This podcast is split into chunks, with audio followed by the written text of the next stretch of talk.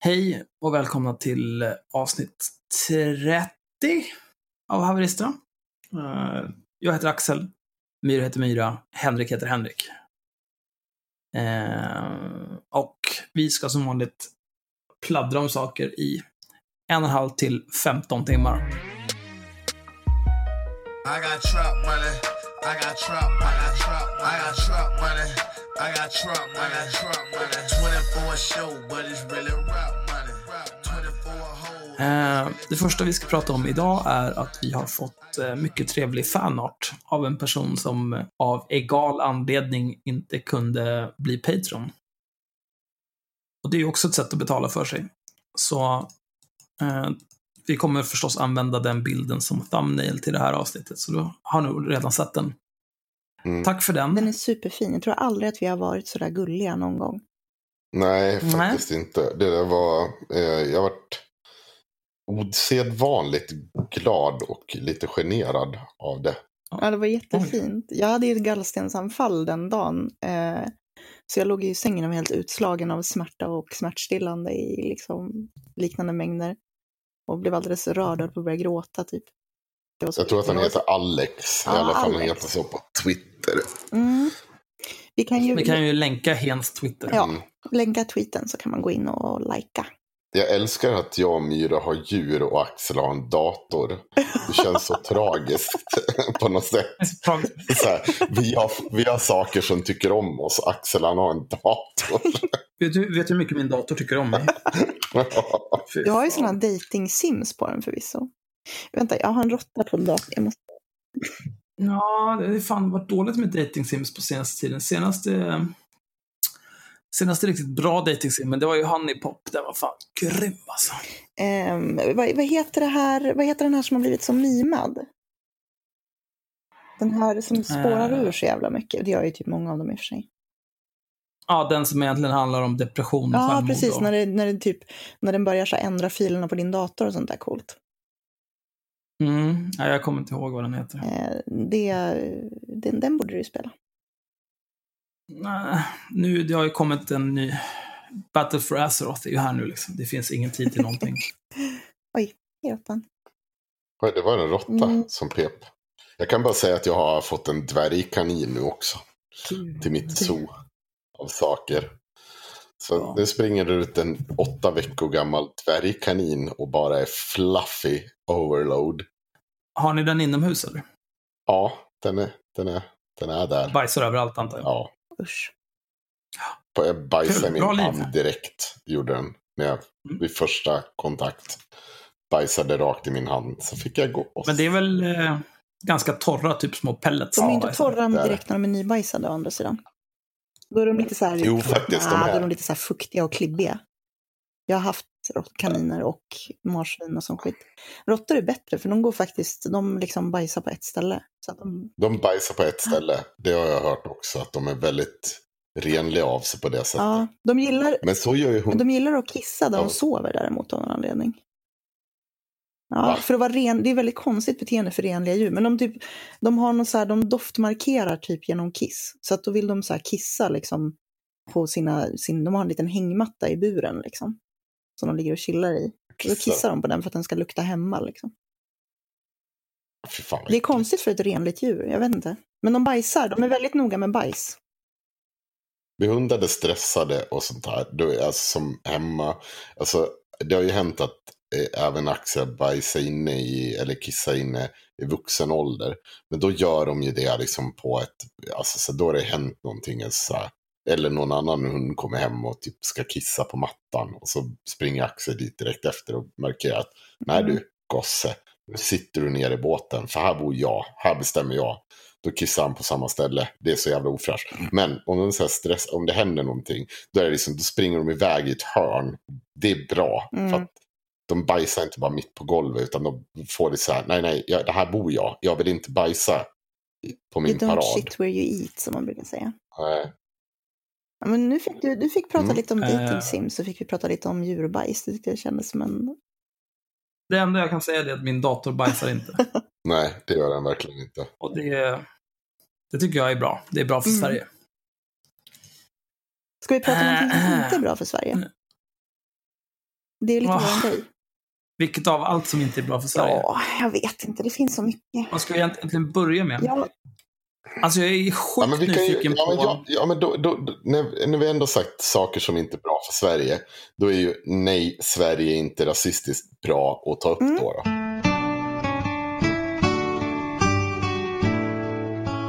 Mm, alltså det, det är ju Rebecca Weidmo Juvel som har skrivit Mm. Nej, Sverige är inte rasistiskt på sin blogg.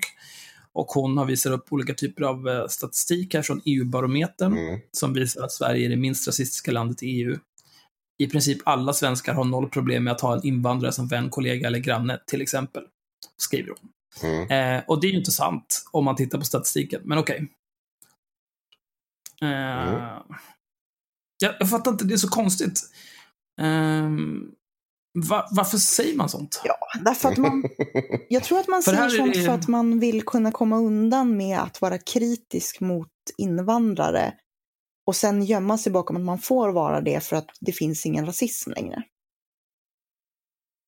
Nej, men det är ju ändå, om man tittar på den här statistiken så är det ju 11 procent som säger att de inte skulle känna sig bekväma med eh, att ha en eh, invandrare Ja, som det är vän. ju faktiskt ganska sjukt. 11 procent är liksom inte, det är inte något. Nej, och jag menar också så här, ha en invandrare som vän. Alltså det är, så, det är så konstigt, för att är du vän med personen så bör du ju inte bry dig om om de är invandrare eller inte. Nej. Men hennes argument här är ju, ja, Sverige är det minst rasistiska landet i EU. Och det stämmer ju, eh, Mm. enligt den här statistiken. Och sen så menar hon, titta istället på Italien, Polen eller Ungern. Ja, men varför ska vi titta på u-länder? Ja, men det är väl lite det där, sig? då kan man ju säga att vadå, varför ska vi ta fram eh, våldtäktsstatistik i Sverige? Titta på Indien. Nej, men det, ja, eller så här, flytta till Saudiarabien, de har ingen våldtäkt. Det är ingen våldtäkter alls där. Åk dit. Idiot. Ja, eh, det, det fantastiska i den här texten i alla fall, det är hur hon öppnar upp det hela. Eh, Och jag älskar just den, liksom hela öppningsgrejen. Att hon börjar så fint. Och nu tänker jag högläsa, för jag tänker inte högläsa ur allt i det här. Så jag, jag ska Mm, nog klara en. Eh, om man nu ska eh, kunna övertyga folk om att tredje riket är på gång så måste man först sätta bilden av att, att rasismen i Sverige exploderat. Ofta citeras FN som är, eh, som är, av, eh, som är var vänsteraktivisternas bästa rasistlarmvapen. Eh, och då är det en, en rapport där FN kritiserar Sverige för rasism. I själva verket menar man att FNs rasdiskrimineringskommitté som är 18 oberoende experter. Du har gjort det inom citattecken. du vet, så här. Just nu är fem av de 18 från afrikanska länder. Ja, vad spelar det för roll? Vad spelar det för. Vänta. Det, det, det är ju bara, ja, det är lite Men de förlitar sig inte eh, på statistik och vetenskap.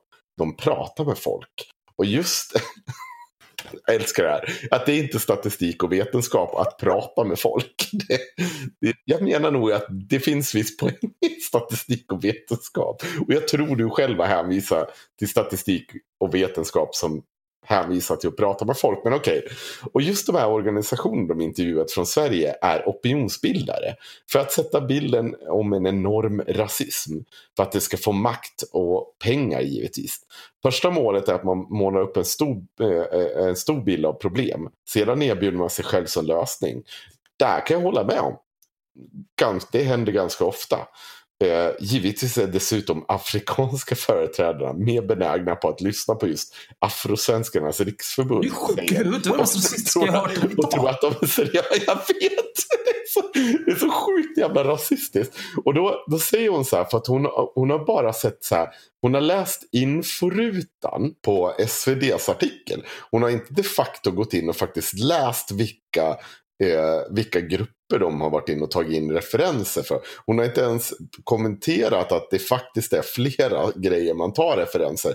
Bland annat tar man referenser från regeringen. Som the, the State Parties Report. Eh, och sen tar man info från Civil Society Organizations. List of teams, statements, list of... Alltså det är ju massa olika rapporter. Och det är inte bara afrosvenskarnas eh, som man har pratat med. Utan det är United, ja, men det är United Nations Association of Sweden.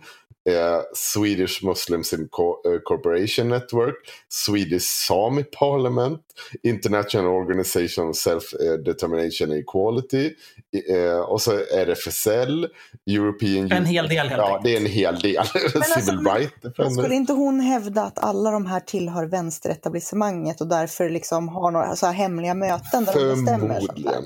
Men det behöver vi inte ta ställning till. Vi behöver bara ta ställning till att hon kommenterar att fem av de här 18 personerna är från Afrika Ja. och att de givetvis lyssnar mer på Af- vad Afrosvenskarnas riksförbund säger än på Mm. något annat. Ja, för att hon är en det- psykotisk jävla rasist. Ja. kan inte vi komma på någonting motsvarande trippelparenteserna för just folk som tror på den här konspirationsteorin om, eh, om det onda vänsteretablissemanget och att det finns någon sorts Bilderbergmöten liksom där typ DN, Aftonbladet, Svenska Dagbladet, Intrasistmän, eh, Expo, Researchgruppen och regeringen sitter och typ dricker te, ja Soros också, och LO, sitter och dricker te och typ bestämmer vad de ska skriva i tidningen nästa vecka. För det tror de ju verkligen. Eh, så vi skulle, det vore bra om de hade någonting som parenteser så att det var, så det var lätt att liksom urskilja när de drog igång med de här vansinniga konspirationsteorierna. Ja, Håll- sluta mixtra Henrik. ja men jag, jag tappar snus. Så förlåt. Ja, det är okej. Mm. Ja, nej, men Ja. Vad, vad ska vi... Jag vet inte, jag tycker trippelparenteser funkar bra för allt. Ja, den kanske går, men jag tänker att de ska ju börja använda det själva. Liksom. Jag tänker att hennes här citationstecken på oberoende är ju en sån. Hon hade lika gärna kunnat skriva oberoende experter inom trippelparenteser. Mm. Ja. ja, det är vansinnigt. Ja, det hade varit rimligt. För det är lika jävla, det är ju så hon håller Ja. på. Misstänkliggöra alla. De, allt som inte säger som jag tycker så är det någonting fel. Och i det här fallet så drar ju också till med att de här fem personerna från Afrika per definition kommer lyssna på någon som säger sig företräda Afrika utan någon som helst liksom, opartisk tankegång. För att de kan inte liksom, gå och lita på. Det är bara att glömma. För de är Nej, men de är ju afrikaner. Så det... Ja, de är svartingar också. De håller alltid om varandra. och svartingar. Du vet hur det är, ni har ju ett årsmöte varje år. Det svarta Du dina. Årsmöte, vi har veckomöten. Nästa möte kommer ju handla om och, att vi ska börja fimpa folk. börja. Har ni, inte, ni har väl gjort det redan? mm. Nej, inte än. Eh, Mm. Men vi, vi ska lisa en hjärtfelsgolem. Ja. Och sen ska vi börja släcka folk. Alltså jag hade ju mer liksom haft åsikter på att typ Turkiet sitter med här. Och Ja, typ Kina och. Ryssland. Ungern. Ja.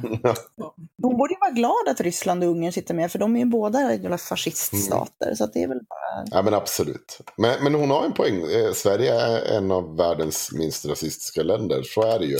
Ja, det Det är tycker jag är inte- värt att värna om. Värna Det inte, det står utan problem. Nej, men det är ju liksom, det Det är betyder ju uppenbarligen ingenting. Det är inte. som att säga så här, om alla människor i världen har blivit knivhuggna fem gånger. Mm. Alla utom en person som bara blivit knivhuggen två gånger. Så att du är den minst Mm. knivhuggna människan i världen. Jag har ju fortfarande blivit knivad, ditt jävla mongo. Ja, men en av tio säger att de inte skulle vilja vara vän med en invandrare. Det är väl gan... Jag tycker att det är ganska, ganska skrämmande. Nej, men det, är- det är i princip noll. det är så nära 10% noll som man kommer. 10% på en skala är i princip noll. Man avrundar neråt till närmaste hundratal. Men å andra sidan så tycker jag absolut, alltså det finns en poäng i att lyfta, eh, lyfta att, att Sverige är ett av de mest toleranta länderna i världen. Det var ju det jag gjorde med vår Pride-kampanj, just att så här, det finns ett, ett liksom, Sverige är extremt tolerant och det är bra och det ska vi liksom värna om. Att vi är ett extremt tolerant land och vi har väldigt lite rasism om man tittar liksom, på en global skala. Mm, Det betyder ju inte att vi, det betyder inte att, att vi ska liksom, rösta in mer rasism och Nej, mer intolerans. Sverige är ju också ett, ett av världens mest jämställda länder. Men vi liksom, det är inte klart. Nej. Ha det lugnt. Va- Liksom, vad tjänar man på av att liksom propagera för att nu är vi klara med det här med tolerans eller jämställdhet eller vad det nu är? Vad, vad är syftet? Ja, men det är så fjantigt. Det är, alltså, för att jag föreläste ju i, i Pride House om just nationalism och hbtq och sånt där. Och då tog jag upp precis det, att det är så jävla farligt när man börjar ta sånt här för givet också. För att eh, om vi tittar på, på, på Berlin innan, eh, innan liksom nassarna dök upp och började införa paragraf 175 och sånt där som förbjöd eh, bögande, så var ju Berlin liksom Europas mest, mest homovänliga stad. Du hade liksom ett institut i Berlin där man som typ första land, i alla fall i Europa, möjligen i världen, eh, började prata om så här, ah, det kanske inte är så att det är en sjukdom att vara homosexuell eller transsexuell, utan det kanske faktiskt är någonting som man föds med. Eh, så de var ju extremt progressiva med just hbtq-rättigheter. Typ så här 15 år innan Hitler dök upp och plötsligt så förbjöd man alla bögar. Så att det är inte så att liksom de här framstegen är huggna i sten och att vi aldrig skulle kunna gå bakåt heller. Mm. Eh, så det blir väldigt dumt att bara, titta här, vi är inte alls rasistiska, så att nu kan vi faktiskt kosta på oss att vara lite rasistiska, för det gör ingenting. Bara, uh, nej, det kan faktiskt gå bakåt också. Ja, det är inte Det- bra. Nej. Jag, eh, alltså jag är extremt sugen på att läsa det här Katarina Janouch-skiten. Kan jag få Ska göra vi det? börja med att högläsa? Ja. Mm.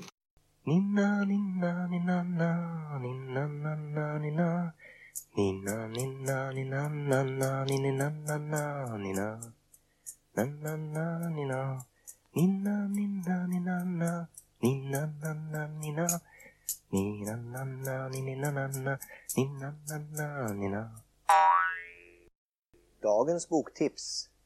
Det här publicerades idag och idag är söndagen den 26 augusti. Eh, som för övrigt är Ilan Sades födelsedag. Ja, Grattis Ilan! grattis Ilan. Grattis! Ilan fyller 40 år idag. Fy fan Skål och grattis! Halvvägs genom livet. Han ser, han ser ut som 25. Ja, fräsch. Mm. Jag har inte sett honom IRL i och för sig, han kanske är photoshoppad. Ja, det är inte omöjligt. Eh, men eh, kul för dig Ilan. Jag hoppas du har en riktigt trevlig kväll. Mm. Eh, hur tråkigt om vi inte hade det. eh, ja, det här är ju då som sagt publicerat idag. Mm. Jag har inte läst den här innan och jag antar att ni inte heller har gjort det. Nej. Nope. Eller eh, ni kanske ha- har RSS till Katarina Magasin.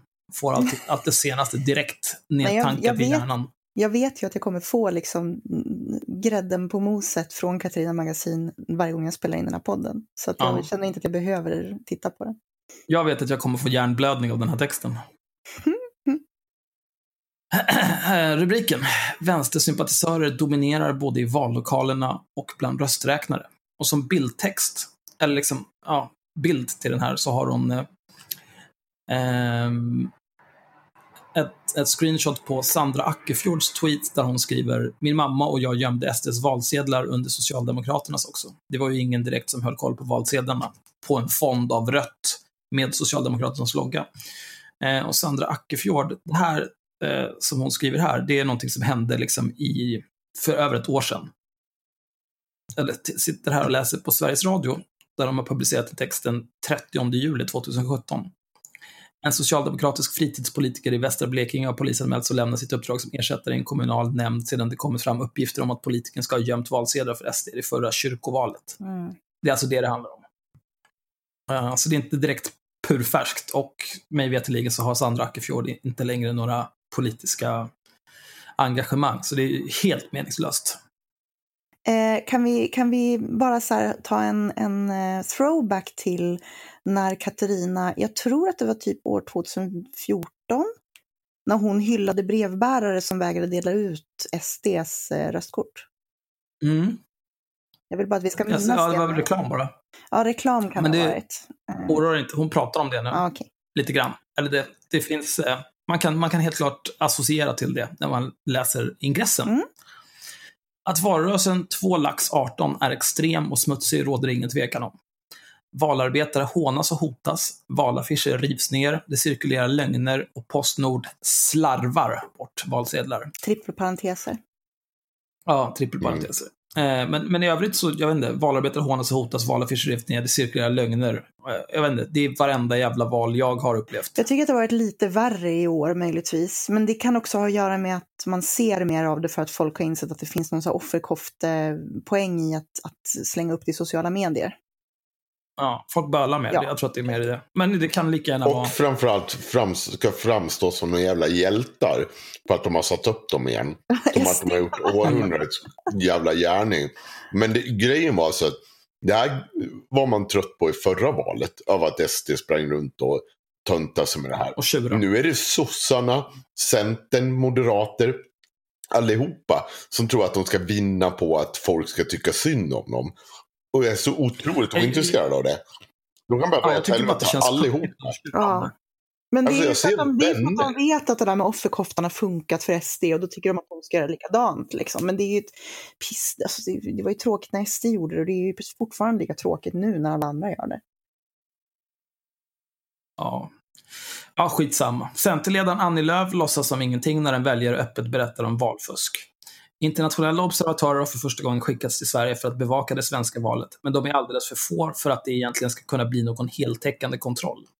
Nu försöker de ju liksom påskina att det här handlar om att ja, nu kommer det internationella observatörer för att det här är något jävla u-land som har sitt första val. Mm. Riktigt så är det inte. Eh, en artikel i Expressen om de här internationella observatörerna. Eh, två utsända. Två. två utsedda från OSSE ska kontrollera att allt går rätt till den 9 september. Organisationen för samarbete och säkerhet i Europa, OSSE, har redan haft ett team på plats för att se om det finns ett behov av att skicka observatörer till det svenska valet. Bla, bla, bla, bla, bla. De har beslutat att skicka två stycken. Tidigare har OSSE mest fokuserat på nyare demokratier, men nu är det Sveriges tur. Eh, det man ska titta närmare på här är bland annat hur valkampanjerna finansieras. Man har också förstått att det funnits problem med hur valsedlarna placerats i vallokalerna. De har inte varit tillräckligt skymda för att valhemligheter ska kunna garanteras. Man har också förstått att det ibland inte funnits tillräckligt många valsedlar från alla partier i framförallt vallokaler i glesbygden. tom. Mm. Eh, Så det är liksom inte, det är inte en systemkollaps. Nej. Och det är bra att den kontrollen även görs i demokratier. Absolut. Där man har Ja, typ ett av de mest välutvecklade och mest... Eh, alltså vi har, vad har vi, röst, röst... Nu är vi typ över 70-80 procent av röstberättigade röstar. Det är ganska bra. Högt, Ja. högt eh, valdeltagande. Mm. Men en grej som jag vill säga om det här. Eh, jag tror att det finns ett, Mm. det finns, jag tror att det är ett John Oliver-klipp när han pratar om Putin och Trump. Eh, där han säger att, för det Trump gjorde, det var ju att han gick ut och började sprida liksom att det skulle ha varit någon sorts valfusk. Att folk hade försökt valfuska i USA. Vilket ju var en sanning med modifikation. Eh, men Ja, det var ett icke-problem. Eh, men det han sa var att det där är så oerhört, alltså det, det, det handlade om det här avsnittet, det är ett ganska bra avsnitt. Eh, men han pratar om det där att, att, att Trump och andra som håller på så där blir liksom nyttiga idioter för Putin till exempel. Därför att faktiska fascister kan då gå ut och säga att, som Putin kan gå ut och säga, titta, de har till och med i världens demokrati, USA, har de valfusk. Eh, och på så sätt legitimera att de själva håller på att mygla. Och det är det här, Ja, det blir bara mer ja, och bautism. det, problemet är att det man håller göra när man håller på så här, och det här kan man ju se liksom, effekterna av på alla de här jävla Sverigesarna.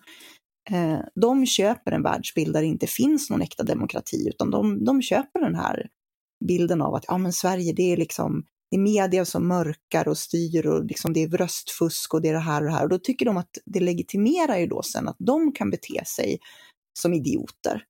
Därför att de upplever inte att det finns en demokrati och då kan de bete sig odemokratiskt. Så det är liksom en ganska farlig... Jag har gjort lite live-research här nu. Mm. Ehm, det högsta valdeltagandet vi haft i Sverige var 1976. Då var det 91,8 procents valdeltagande. I förra, förra valet, 2014, så var det 85,8 det. procent som Mm. röstade. Vi har svinhögt. Och det är världens bästa. bottennoteringen i modern tid var 2002. Mm. Då 80,1 procent röstade. Sen dess har det ökat. Så över 80 procents valdeltagande, det är ganska Det är bra. Det är ju bra. inte...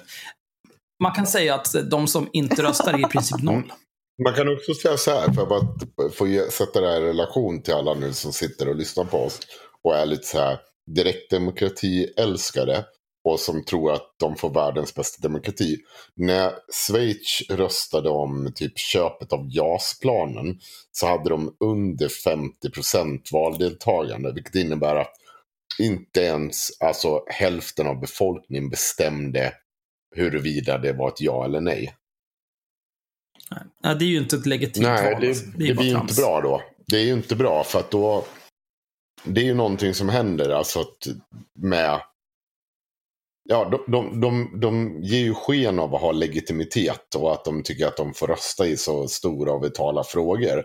Men de kan inte förmå människor att rösta. Och det är för sig bra. Och då blir det ju eller bra och bra, Mm. men det kan, finns ju en poäng med representativ demokrati, vilket är att jag, jag som liksom lekman har inte kunskapen att ta den typen av beslut. Liksom.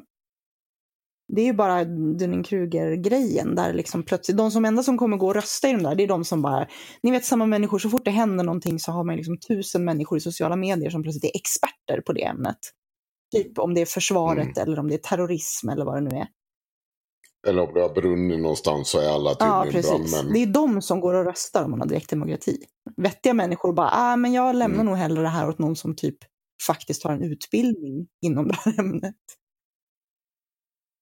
Eller kan hämta in experter. Ja, det är, den typen av tid liksom? Hålla på och rösta om precis allt. De kan inte tiden. mima heller. Direktdemokraterna i Sverige, så det skulle jag aldrig rösta på i vilket fall.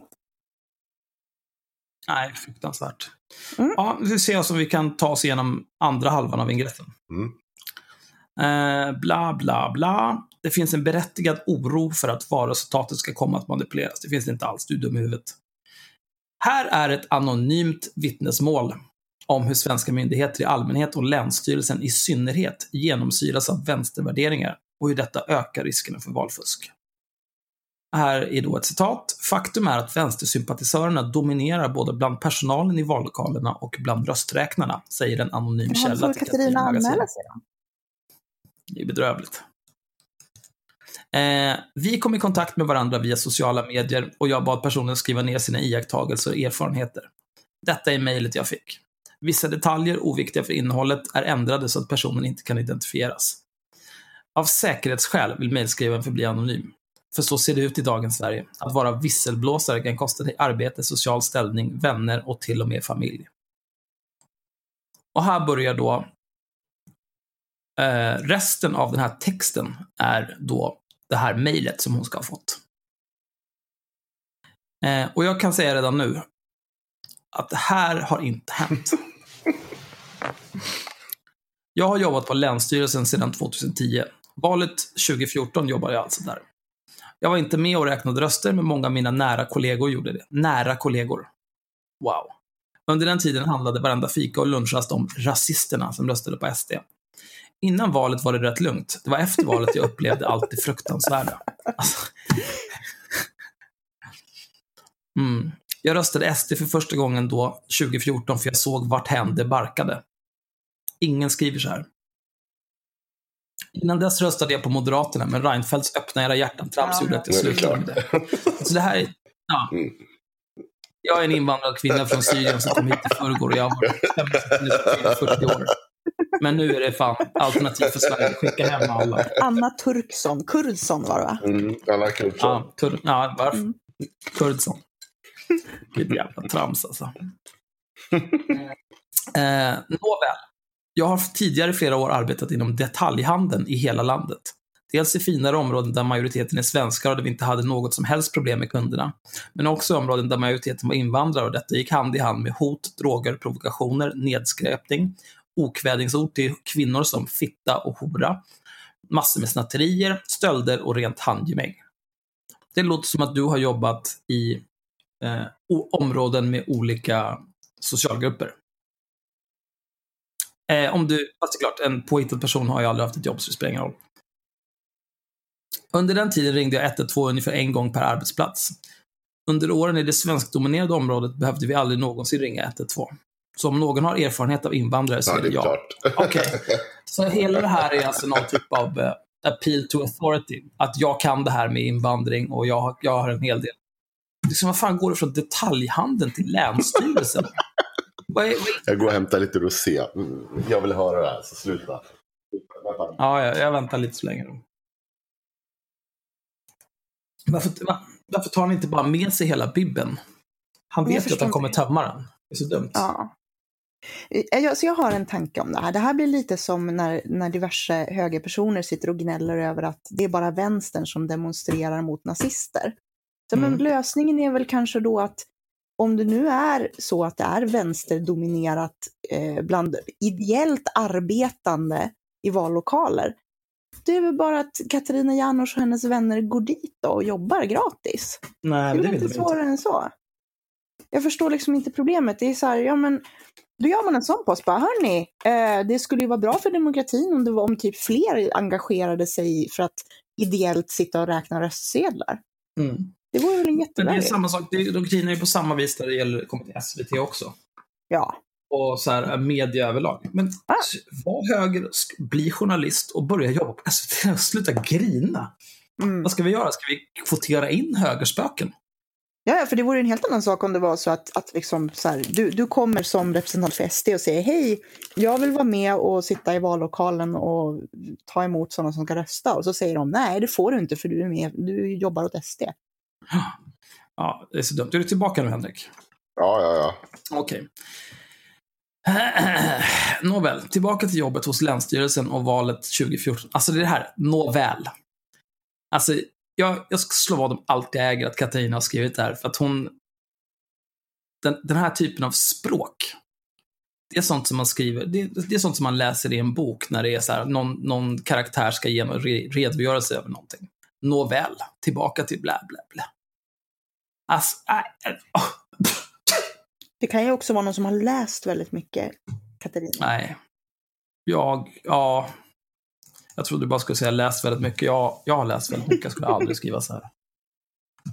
Eh, det är också eh, det är också en hel del stavfel i den här texten som eh, jag känner igen, Mm. om man säger så. Ja, du är ju lite av en, en expert på Katarina Janouchs texter vid det här laget. Oh. Nåväl, tillbaka till jobbet hos Länsstyrelsen och valet 2014. Jag röstade alltså SD då jag klart och tydligt sett att integrationen inte fungerade. Jag yppade inte ett ord om detta inför mina kollegor, såklart. Jag har inget intresse av att prata politik med dem.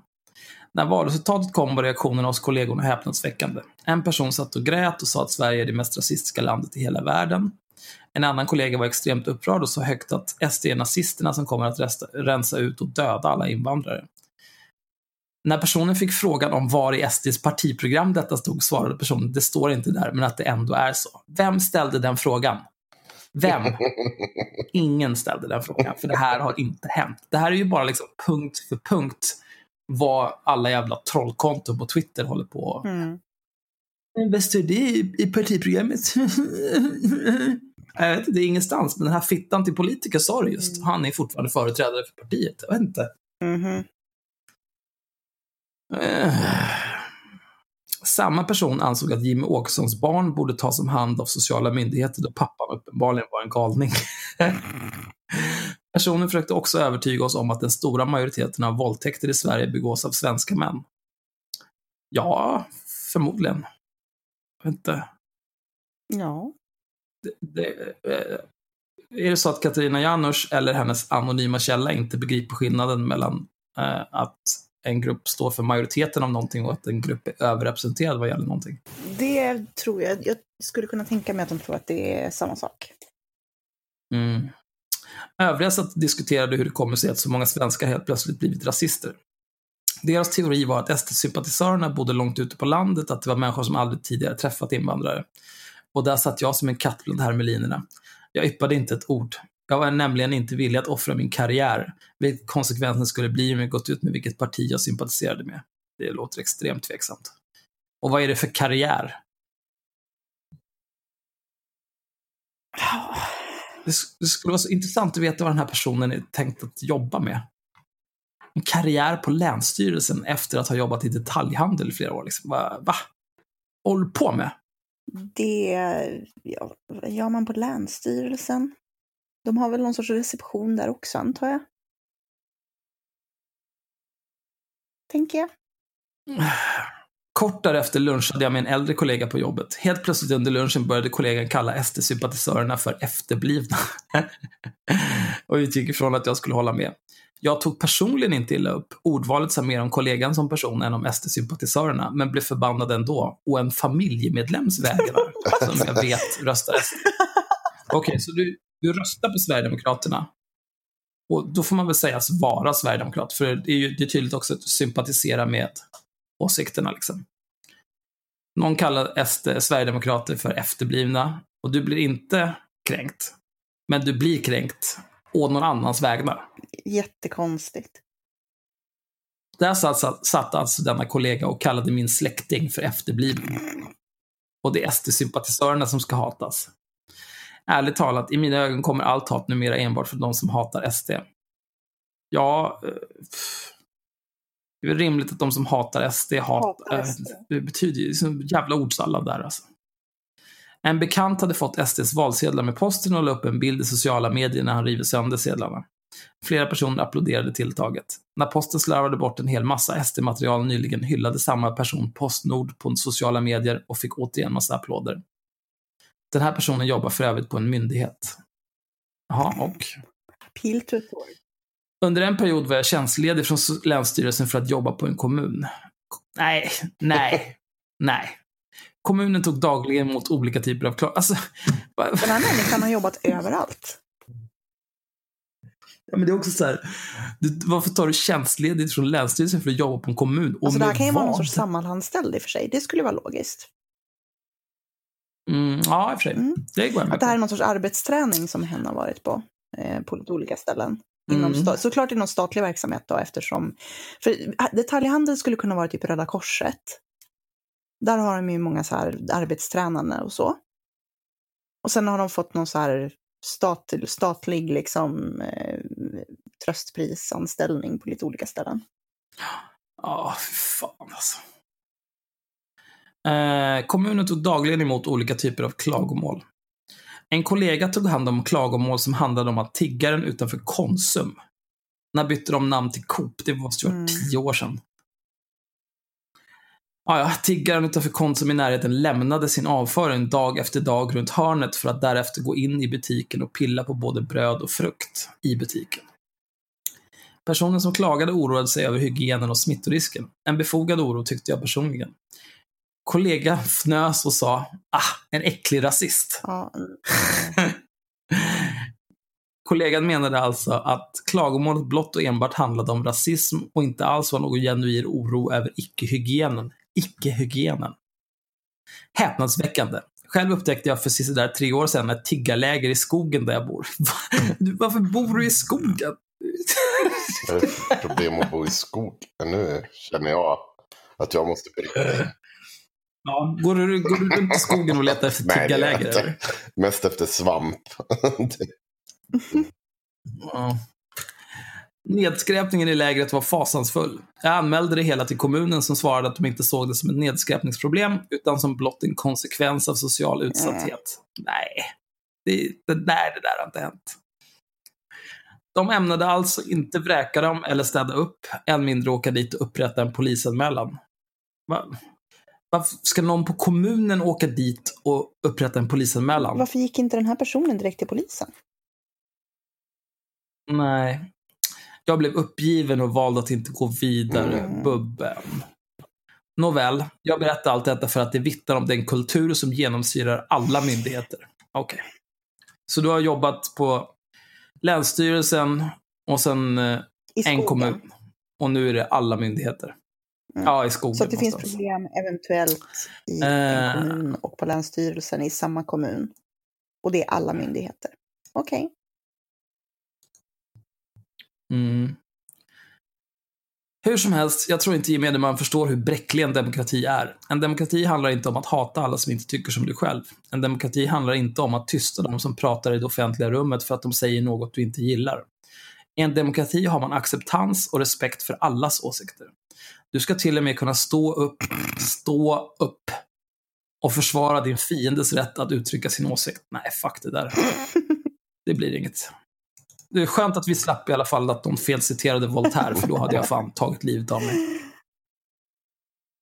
Jag hörde personligen inte några olämpliga kommentarer om rösträkningen 2014, men jag tvivlar på att samma personer som kallar SD-sympatisörer för idioter och rasister, som påstår att SD vill ta livet av alla invandrare i Sverige och som vill att Jimmie Åkessons barn ska omhändertas kan gå en trappa ner och räkna röster på ett helt neutralt och professionellt sätt. I år känner jag en av rösträknarna. Det är klart du gör det, din jävla kuk. Personen är själv vänster. Personen har sagt att hen tänker försöka felregistrera rösterna på SD. Jag har sagt att det givetvis är olagligt att pyssla med sånt.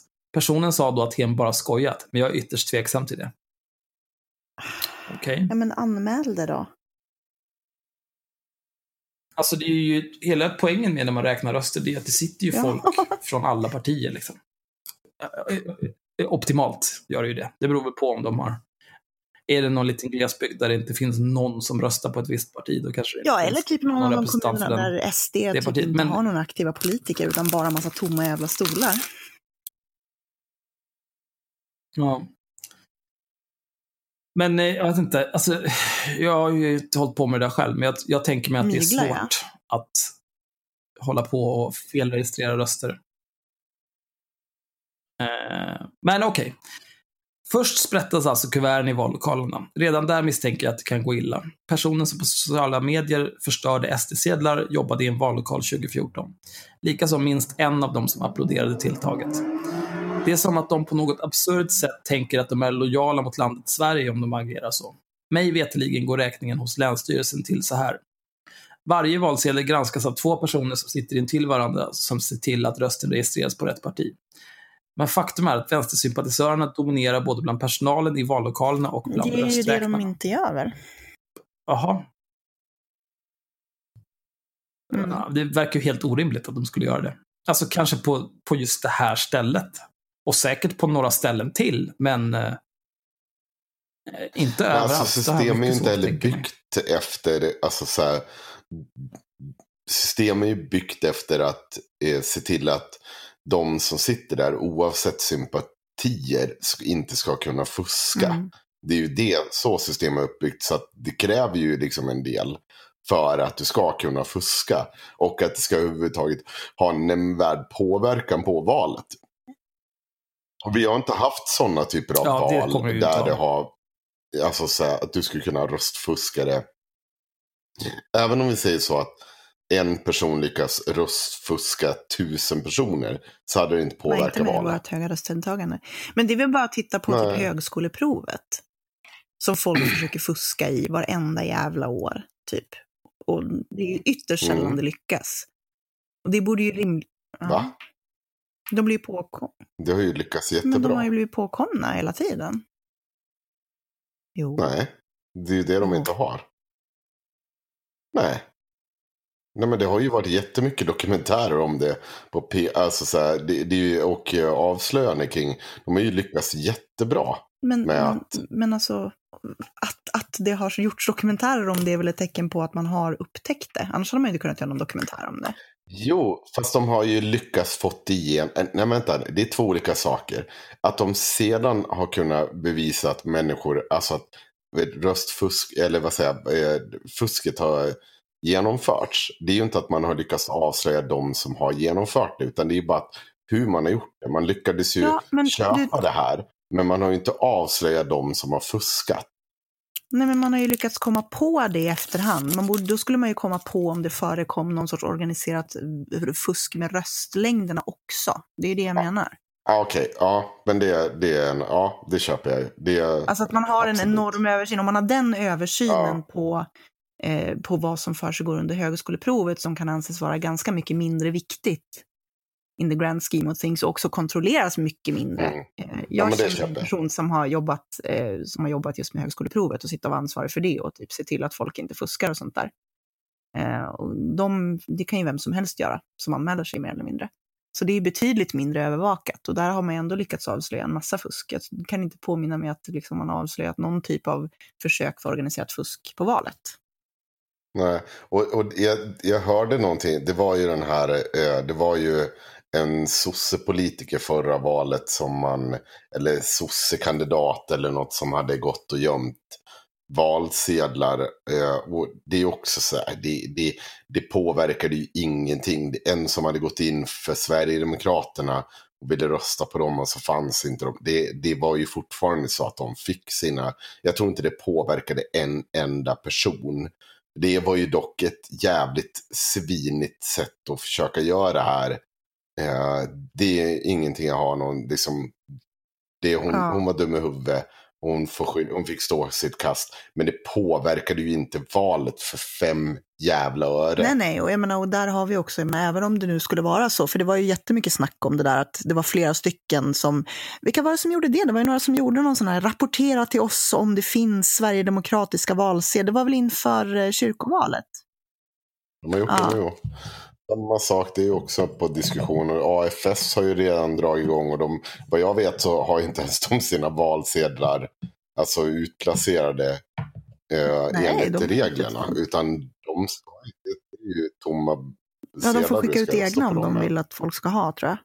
Eller om de ens får göra det, jag kommer inte ihåg hur det där är. Men ja, det är, Ja. det är inget som säger att de ska finnas Nej, liksom, i vallokalerna. Det måste de ju fixa själva. Ja.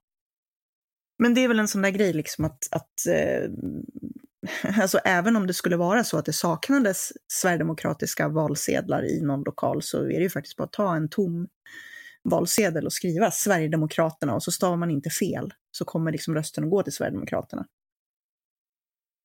Mm. Och det är inte så jävla komplicerat. Nej. Så det är inte ett demokratiskt problem Eh. ens om det skulle ta slut på valsedlar för ett parti. Även om Nej, det är svinigt om man gömmer dem. Ja, även då- om man gömmer valsedlar, då är man ju efterbliven. Nej, det får inte du säga, för att min, eh, min släkting har gjort det. Jag blir inte kränkt för min egen skull. Ah, okej. Ja, förlåt. Det var inte meningen att kränka din släkting. Men du måste också ha gjort det, fast du blev inte kränkt för egen del, utan du blev kränkt om någon annans vägnar. Är det här, är det här lite grann som när Samnytt inte kände sig hotade av att du sa att de förtjänade nackskott, men de tänkte att någon annan kanske skulle... Ja, Molgan Mm. kan ju göra vad som helst. Det vet man ju hur den där jäveln är. Det är alltid väldigt viktigt att påpeka att man själv inte har blivit kränkt, för man tänker på andra. Liksom. Det är Nej. som här som skyller på barnen Ja, är- när, de, när de tycker att saker är äckliga. Mm, tänk på barnen. Fy fan. Där står de. Ja, åh gud. Ja, jag kommer att tänka på Pride. Mm.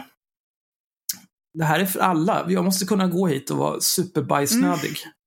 Jag stanna hemma. Jag har för övrigt inspelat när Gustav Kasselstrand säger att eh, min eh, M på IRM eh, står Mm. åtalad för olaga hot. Eh, och jag bara, va? Eh, och faktiskt inte reagerade först på, vad fan, fan snackar han om? Och sen kom jag Mm. på att det är dig det handlar om. Ditt jävla stopp. Alltså det, det här borde jag ta upp. Det, det borde vi klippa in i det här. Gustav Kasselstrand. Han vill inte nämna ditt namn för att han vill inte Mm. åka dit för Ja, förtal. men det är ju inget förtal. Det är ju Jävla sant. Det bullshit. kan vara förtal även. Eller- Nej, det är det ju inte. Om, om jag väljer att publicera om jag väljer att publicera det så är det jag som förtalar dig. Det är jag som Mm. gör publiceringen då. Och då får jag Gustav Kasselstrand, din lilla kuck. Åh, gud. Du, han var så fräknig efter den här sommaren, kan jag bara berätta. Oj. Man fräknig i Han pannan. var fräknig överallt. Han var inte en människa som klarar sol.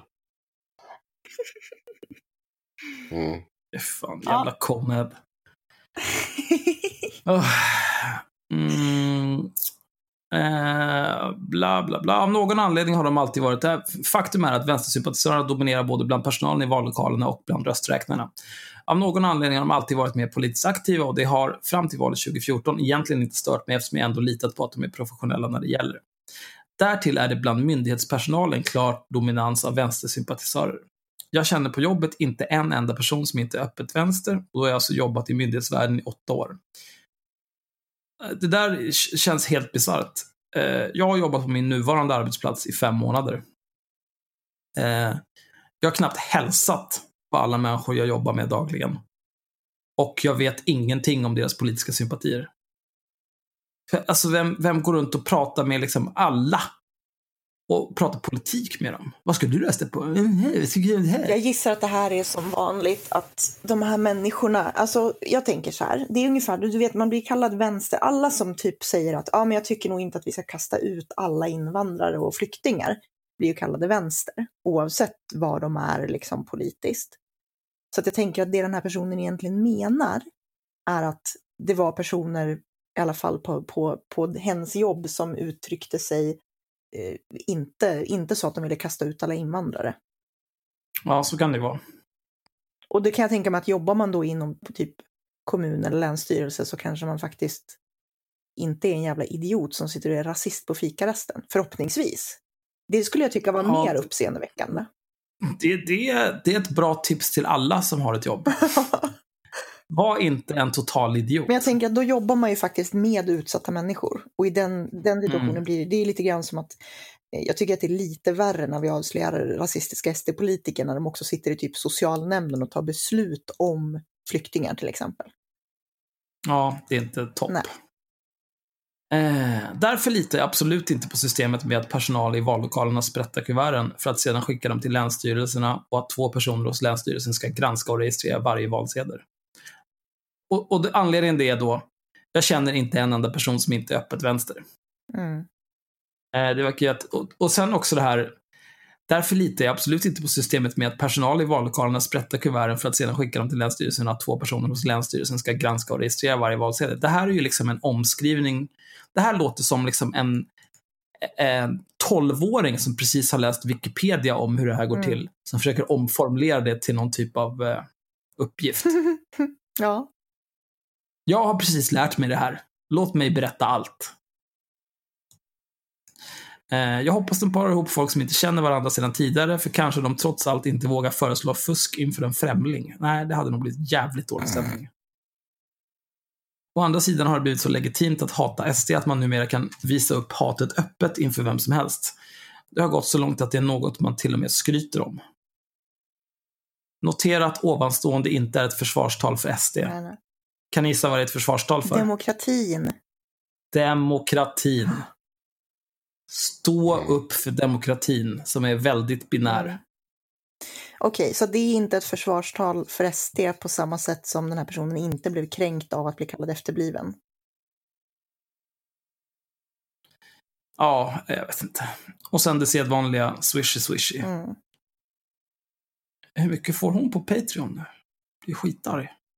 464 dollar i månaden. Jag blir rasande! Och då dessutom, hon har 99 patrons, vi har 57. Oj.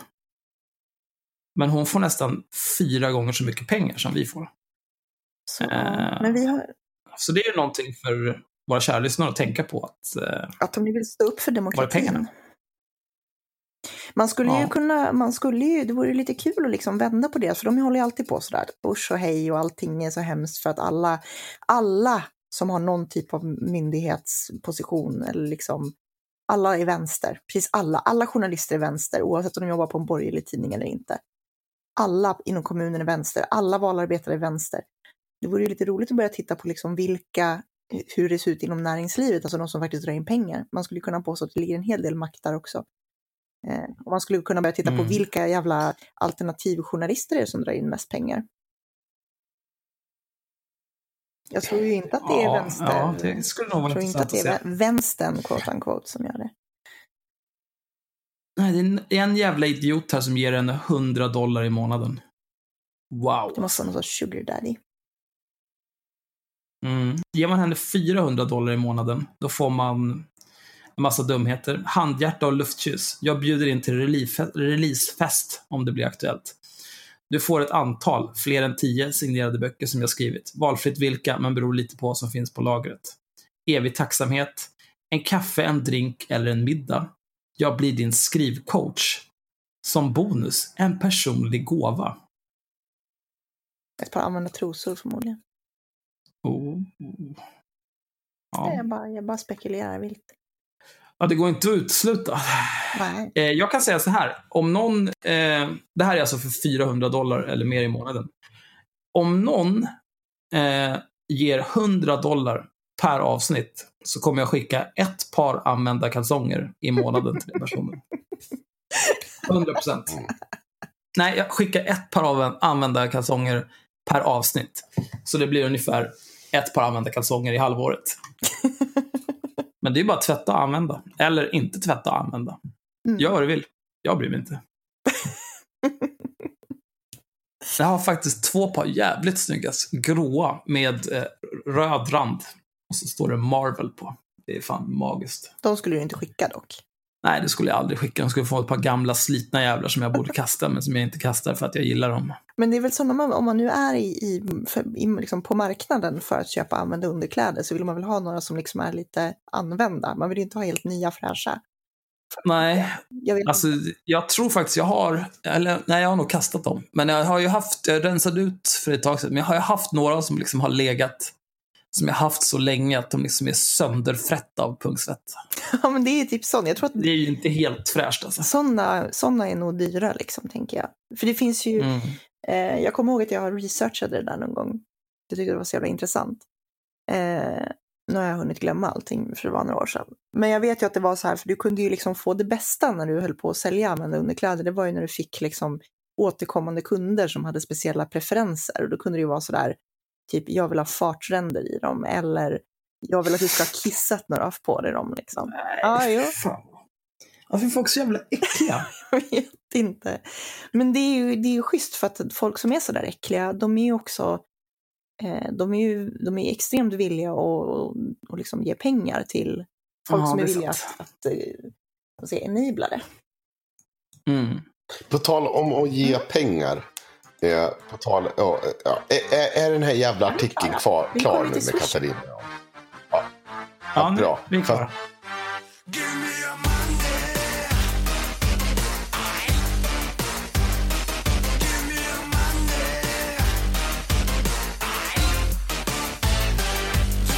En sak, vi ska ha Swish och eh, ni kan swisha Myra direkt. Hon kan lägga, vi kan lägga ut hennes nummer. Men nu har det här gått, det här har gått, det här har gått så jävla CP i hela den här jävla diskussionen. Och Myra behöver hjälp med det här. Eh, och vi orkar inte längre hantera Myras ursäkter i Vad fan frågan. hände nu? Myra behöver, Myra behöver En nätverkskabel? minst 10 meter, nätverkskabel. Antingen ni gör det här via Patreon, ni ger oss ett par dollar extra så att vi kan köpa in den här jävla nätverkskabeln så att vi alltid säkrar Myras ljud. Jag har gjort allt för att säkra mitt ljud nu. Jag har fått Ja, skit mitt- för det här i ljud har inte 20 varit skit i avsnitt. 20 Nu är det dags att vi säkrar Myras ljud. Så ge oss... Alltså, vi har nu håller du käften. Oj. Nu håller du tyst. Ja, alla håller Oj. tyst nu. Vi vill ha pengar för att säkra Jag- Myras ljud. Jag vill aldrig höra någonting om Myras ljud igen. Nu har vi gjort, vi har hållit på i 30 avsnitt och diskuterat ljud. Vi har köpt nya mickar, jag håller på att bygga någon slags studio med kuddar bakom mig. Jag sitter på behörigt avstånd från min mick.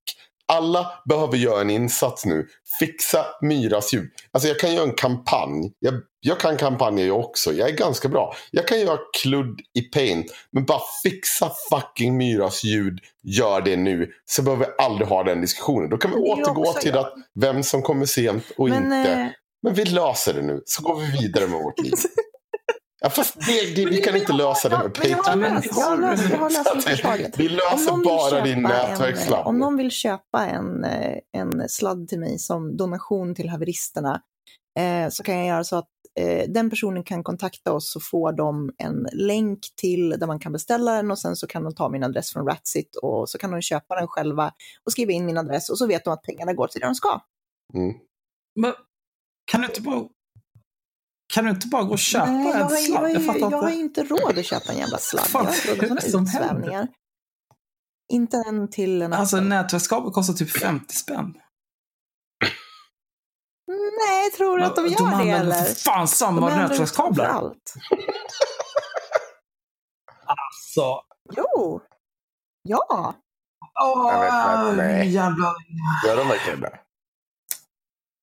Okej. Men, Ja, men i alla fall. Nu- och köp. har du- Alltså vi har ju pengar Jag på vet, Patreon. men jag Eller vet, på Paypal. Vi har ju bra 82 brandtal från euro. Henrik. Nu hade du ju en chans här. På tal om, Ja, ja. på, på tal om värdelös aktivism så ska vi prata om Greta som satts utanför Det är väl inte värdelös aktivism? Bara, nej, jag vet. Jag, jag ville bara få en snygg walkover.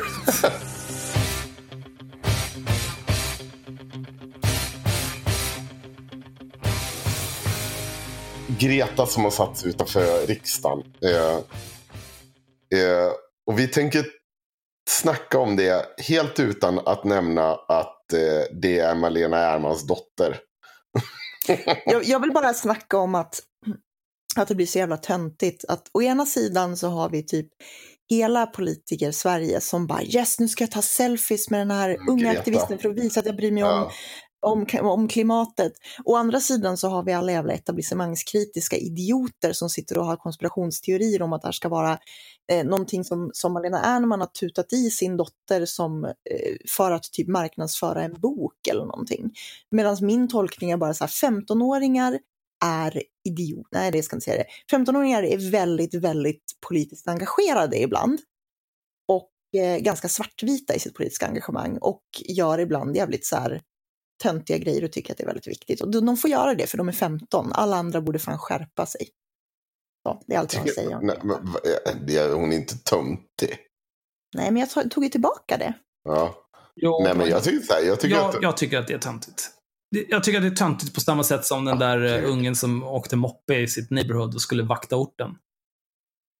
ja, Men det, det, är alltså, Men det är töntigt för Ja, att det alltså per man- man får- automatik är töntigt när 15-åringar gör saker.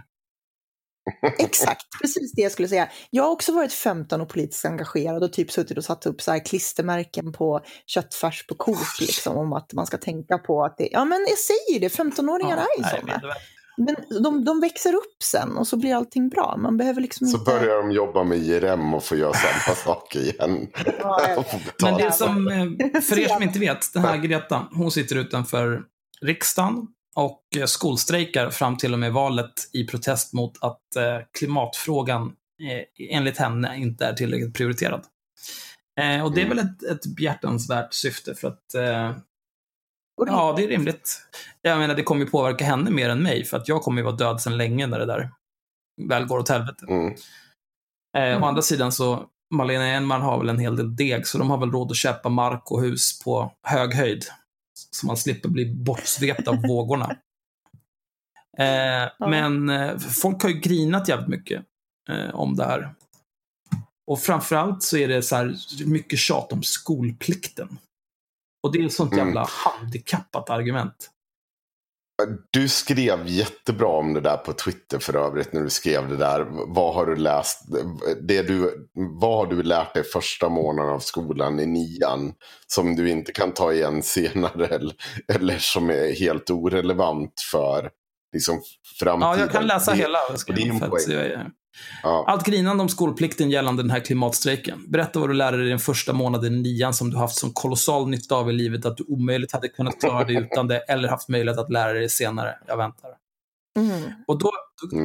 vill jag också kommentera här att jag fick 265 till dags dato likes. 27 retweets. Mm. Det måste vara någon slags rekord Nej, jag har faktiskt fått, en gång hade jag ett tweet som fick över 500 likes. Det var stort alltså. Ja. Men Ja, för du, du, du pratar ju alltid edgelordska. Så det är ju en, du, du tilltalar ju en viss speciell grupp av människor som... Du ska ju alltid trycka in ett mordhot eller någonting. jo, men det är för att jag... tweet. Så det är ju helt omöjligt att retweeta eller likea Nej, men det är för att jag, jag skriver ju främst för... Eh, eh, alltså varje gång, varje gång jag ser någonting skitkorkat på internet, då får jag liksom en staggrad hjärnblödning. Om jag inte skriver någonting och så här släpper ut det här på något vis, då kommer hjärnblödningen slå. Men det är därför vi har den här podden. Ja, men om jag får, om jag får kommentera, då liksom... Då, ja, då tar jag bort debuffen. Mm. Hjärnblödningsdebuffen. Men Elsa Dunkels hade också fått 200 likes. Nej, hon hade fått 300. Mm. Hon stal det här. Copy, äh, tog ett printscreen, la upp det här på Instagram och stal över 300 likes från mig. Fast hon, hon tog ju inte bort ditt namn. Så att hon Nej, men det är mina likes. Hon har stulit Men dem. jag Jag är uppmärksammade dig kränkt. på dem. Ja, men det blev ju inte bättre. Men jag ska säga att jag tycker vem, verkligen vem är hon? Men Elsa Dunkels är skitbra. Hon, är, eh, hon, hon eh, forskar med, på internet och framförallt typ föreläser och sådär om unga och internet. Och hon är en av dem som har hållit på och, och bärsat idioter som förespråkar porrfilter bland annat. Mm.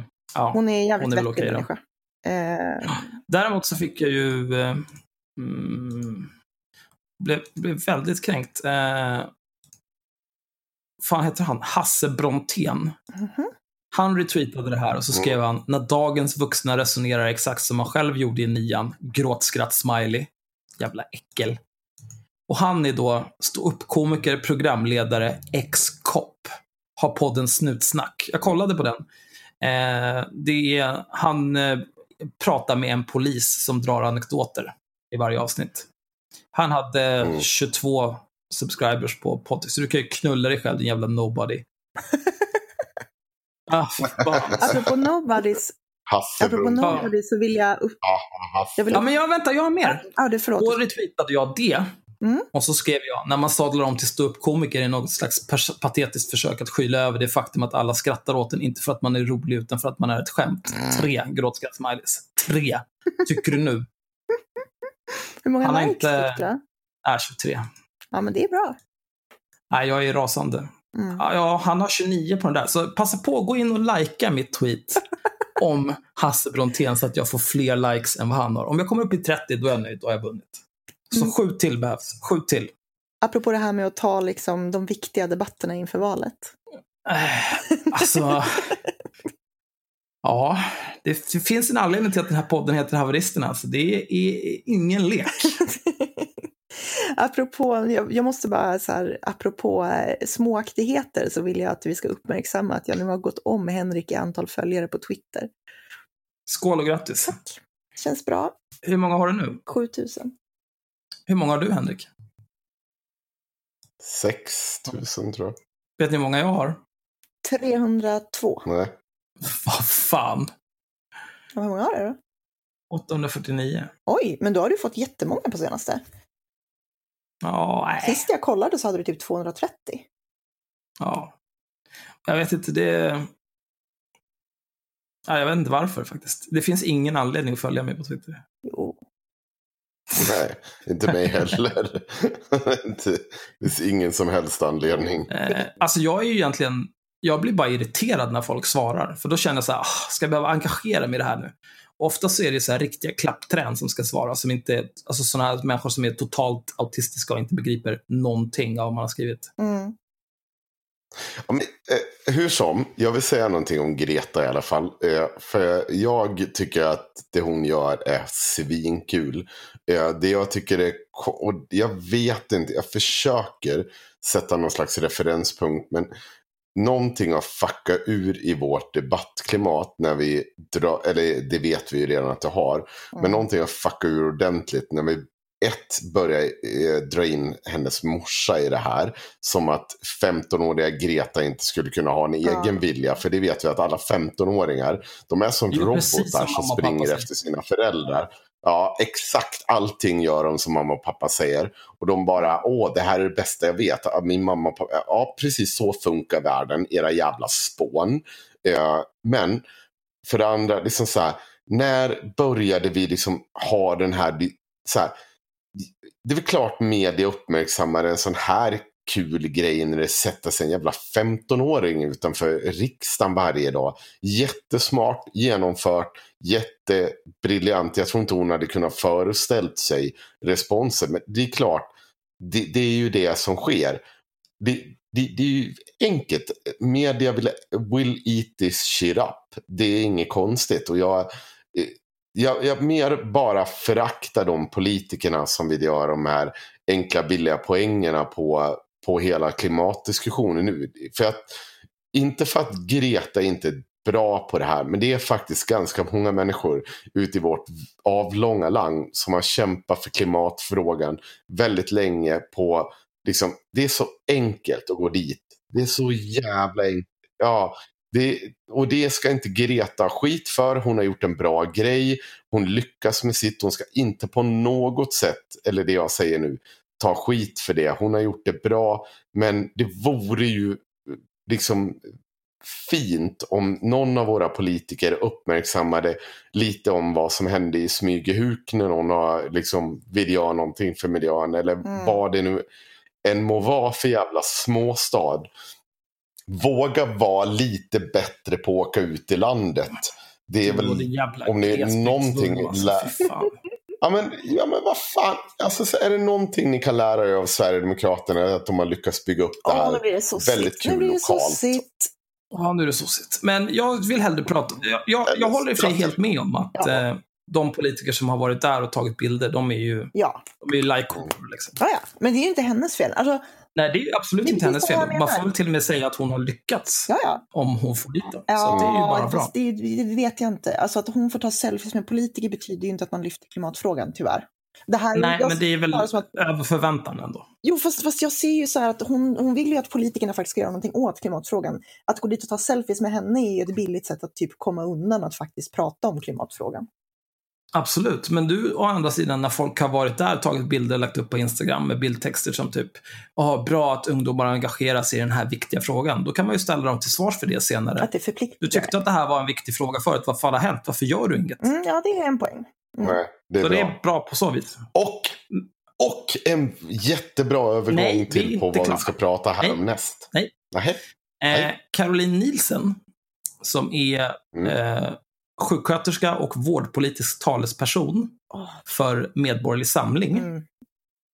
Hon kommenterade det här med jag läser att en kulturpersonlighet har satt sitt funktionshindrade barn att miljöstrejka utanför Ja, skolan. det var så jävla smaklöst. Lustigt nog råkade sammanfalla med en bokrelease. Osmaklighetsrekord med hästlängder.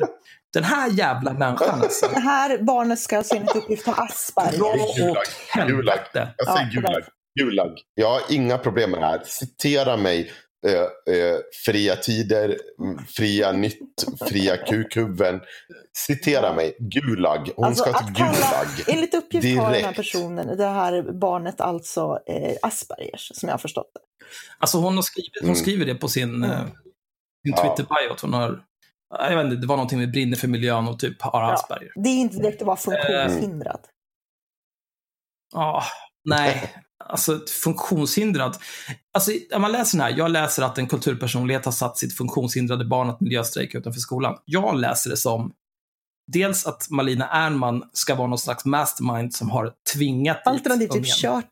Och att hon då är liksom extra lätt att utnyttja eftersom hon Ja. har någon typ av funktionshinder. Jag tänker för att hon har, Det här är riktigt, riktigt fittigt skrivet.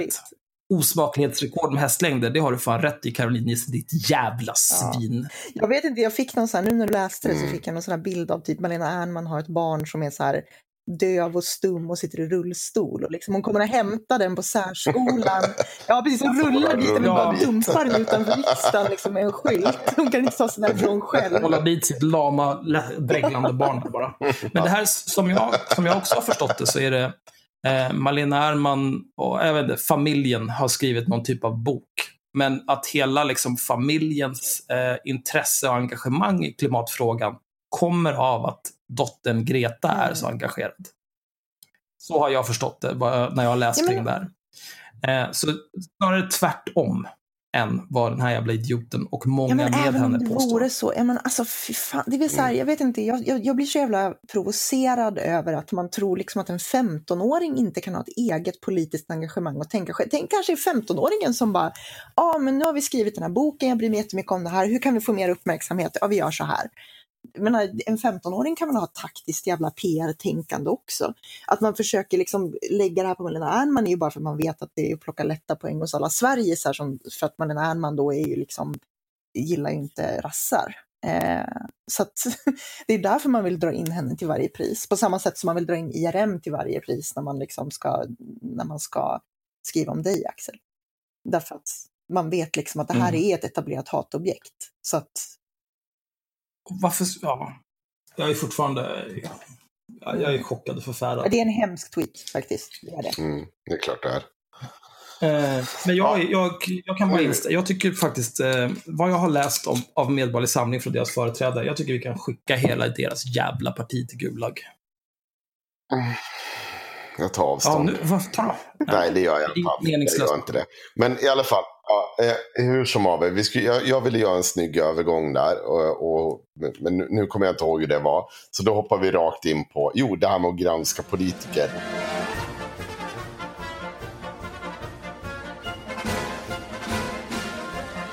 Svenska Dagbladet har gjort en otrolig granskning av SDs budget. Och det, det jag tror att folk missar i vad som är en otrolig granskning av budgeten. Det är inte det här gamla vanliga att man låter någon statsvetare tycka någonting om budgeten och vad det här kan göra på reporäntan eller bla bla bla. Och så tycker man lite så här. Utan de har gjort en riktigt jävla bra granskning på SDs budget.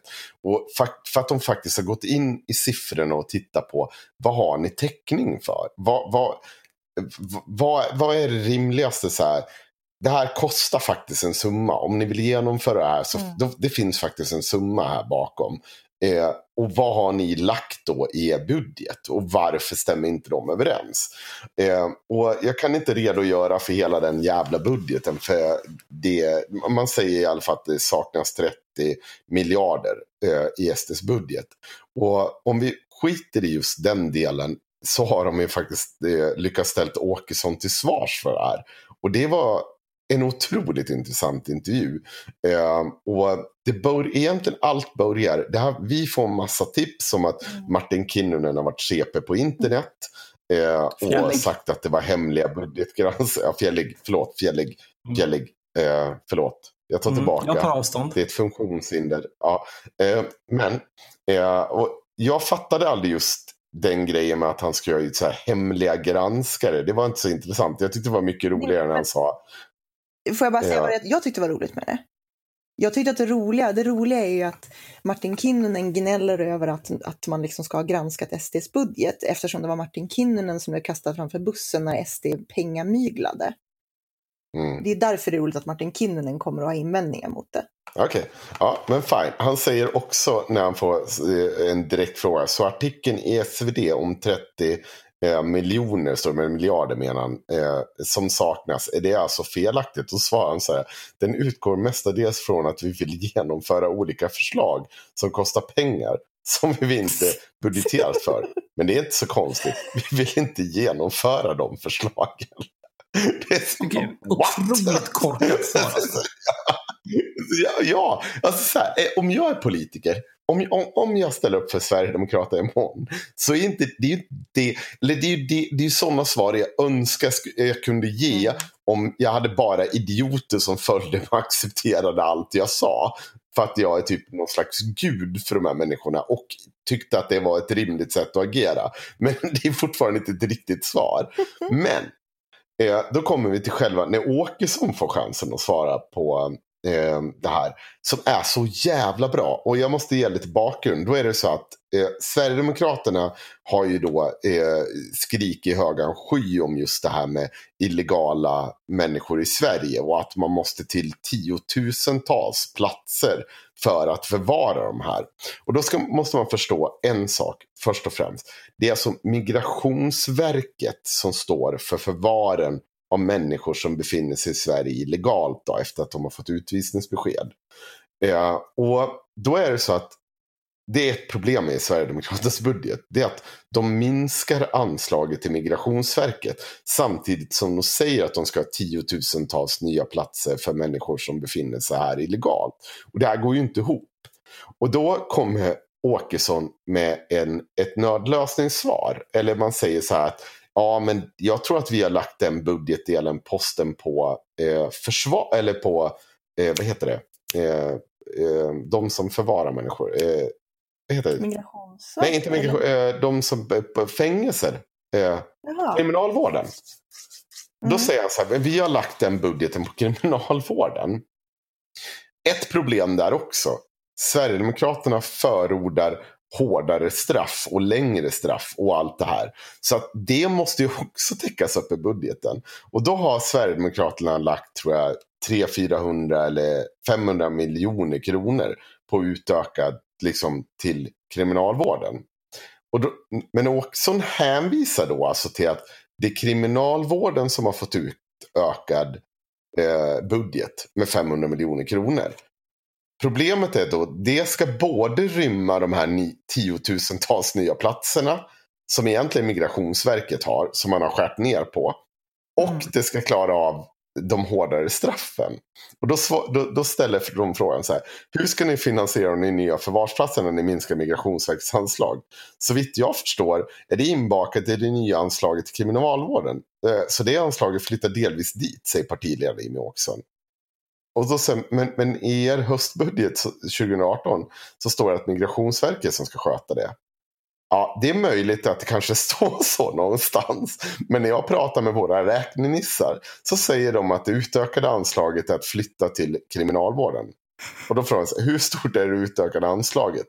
Ja, 500 miljoner kronor för hela eh, kriminalvården, inklusive förvarplatser på 300-400 miljoner första året, säger de då.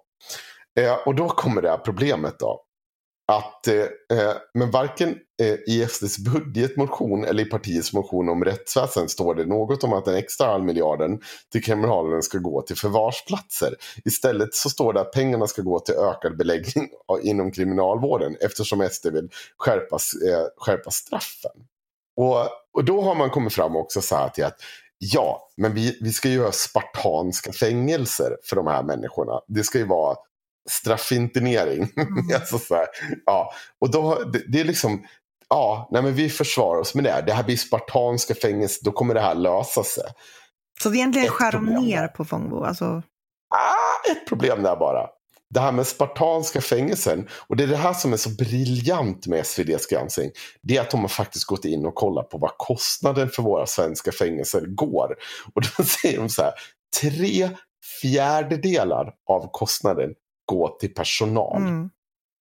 Det betyder att om vi säger att vi lyckas, SD lyckas eh, spara hälften på de här platserna. Vilket gör de här fängelserna helt totalt jävla inhumana. Det blir någon slags u-landsfängelser. Så har man fortfarande bara lyckats spara in, om jag räknar rätt nu, en åttondel Mm. på svenska fängelser. För alternativet är att ge människor lägre lön som jobbar med det här. Mm. Och det kommer inte funka. Eller sparka dem och se till att de blir färre. Och det vill man ju inte gärna säga. så att, så att det är Sverigedemokraterna är så här. Och då, då, då, då är det ett litet problem där. För att det är ju så att än en gång, de har bara budgeterat för en post. Antingen är det mer för förvar för migration eller hårdare fängelsestraff. Man, man liksom får inte ihop det här. Och då har även SvD räknat ut att eh, eh, kostnaden, eh, det här skulle räcka. Notera nu att Sverigedemokraterna säger att de ska ha tiotusentals nya platser. Sverigedemokraterna har lyckats skrapa ihop till 300 nya platser Mm. i sin budget. Det är vad man har lyckats med. Om man räknar rent dagen. Och det blir ju inte, ja, lyckas de spara på spartanska fängelser. Alltså vi pratar ja, en handfull till Mm. platser. Ja, det är ingenting. Kanske 20-30-talet. Det är ingenting om man säger. Ännu bättre blir det när man börjar diskutera a-kassan med Sverigedemokraterna. För a-kassan, de vill ju höja a-kassan för det första och göra den högre. Eh, och då, det, det är väldigt enkelt för att höjer man a-kassan och man vet ungefär hur många som är arbetslösa då kan man faktiskt räkna ut vad det ska kosta. Mm. Eh, och då är enligt eh, riksdagens redovi- alltså, utredningstjänst ska det, en, den a-kassan Sverigedemokraterna vill ha kosta 6 miljarder kronor. Och det är bara den faktiska kostnaden för att höja a-kassan. Men Sverigedemokraterna har bara budgeterat för 3,9 miljarder. Mm. Det saknas 2 miljarder. Så i princip Men noll det- kronor saknas. det man vill göra. Men är inte det, är inte det typ, jag vet inte, sådana som de tänker repatriera möjligtvis? möjligtvis. Nej, Nej, a-kassan är ju någonting du tjänar, alltså det är ju någonting du bygger ihop till. Och det, det krävs ju ett par saker. Det, det här är Kom inte, närmare micken. Det är inte så du, du... Oj, förlåt. Ja, eh, a-kassan är på riktigt liksom en sak som du... Du måste ju vara med i facket si och så länge eller vara med i en a-kassa si och så länge. Och så liksom, det här är någonting du tjänar ihop på, på att jobba och, Mm, och bla bla bla. Så att eh, det, det blir skitkonstigt. För att det är så bara, ja men ni, ni, ni ska höja a-kassan men det saknas två miljarder här. Mm. Varför gör det det för? Det är ju jättekonstigt. Det är, ni borde ju bara gå på riksdagens utredningstjänst och så är det bra sen.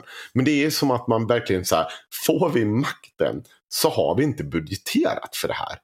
Och det är inte konstigt, det här är inte tyckande. Det är vad om man lyckas på något sätt ja, lösa arbetslösheten med så pass mycket så att det kostar två miljarder mindre.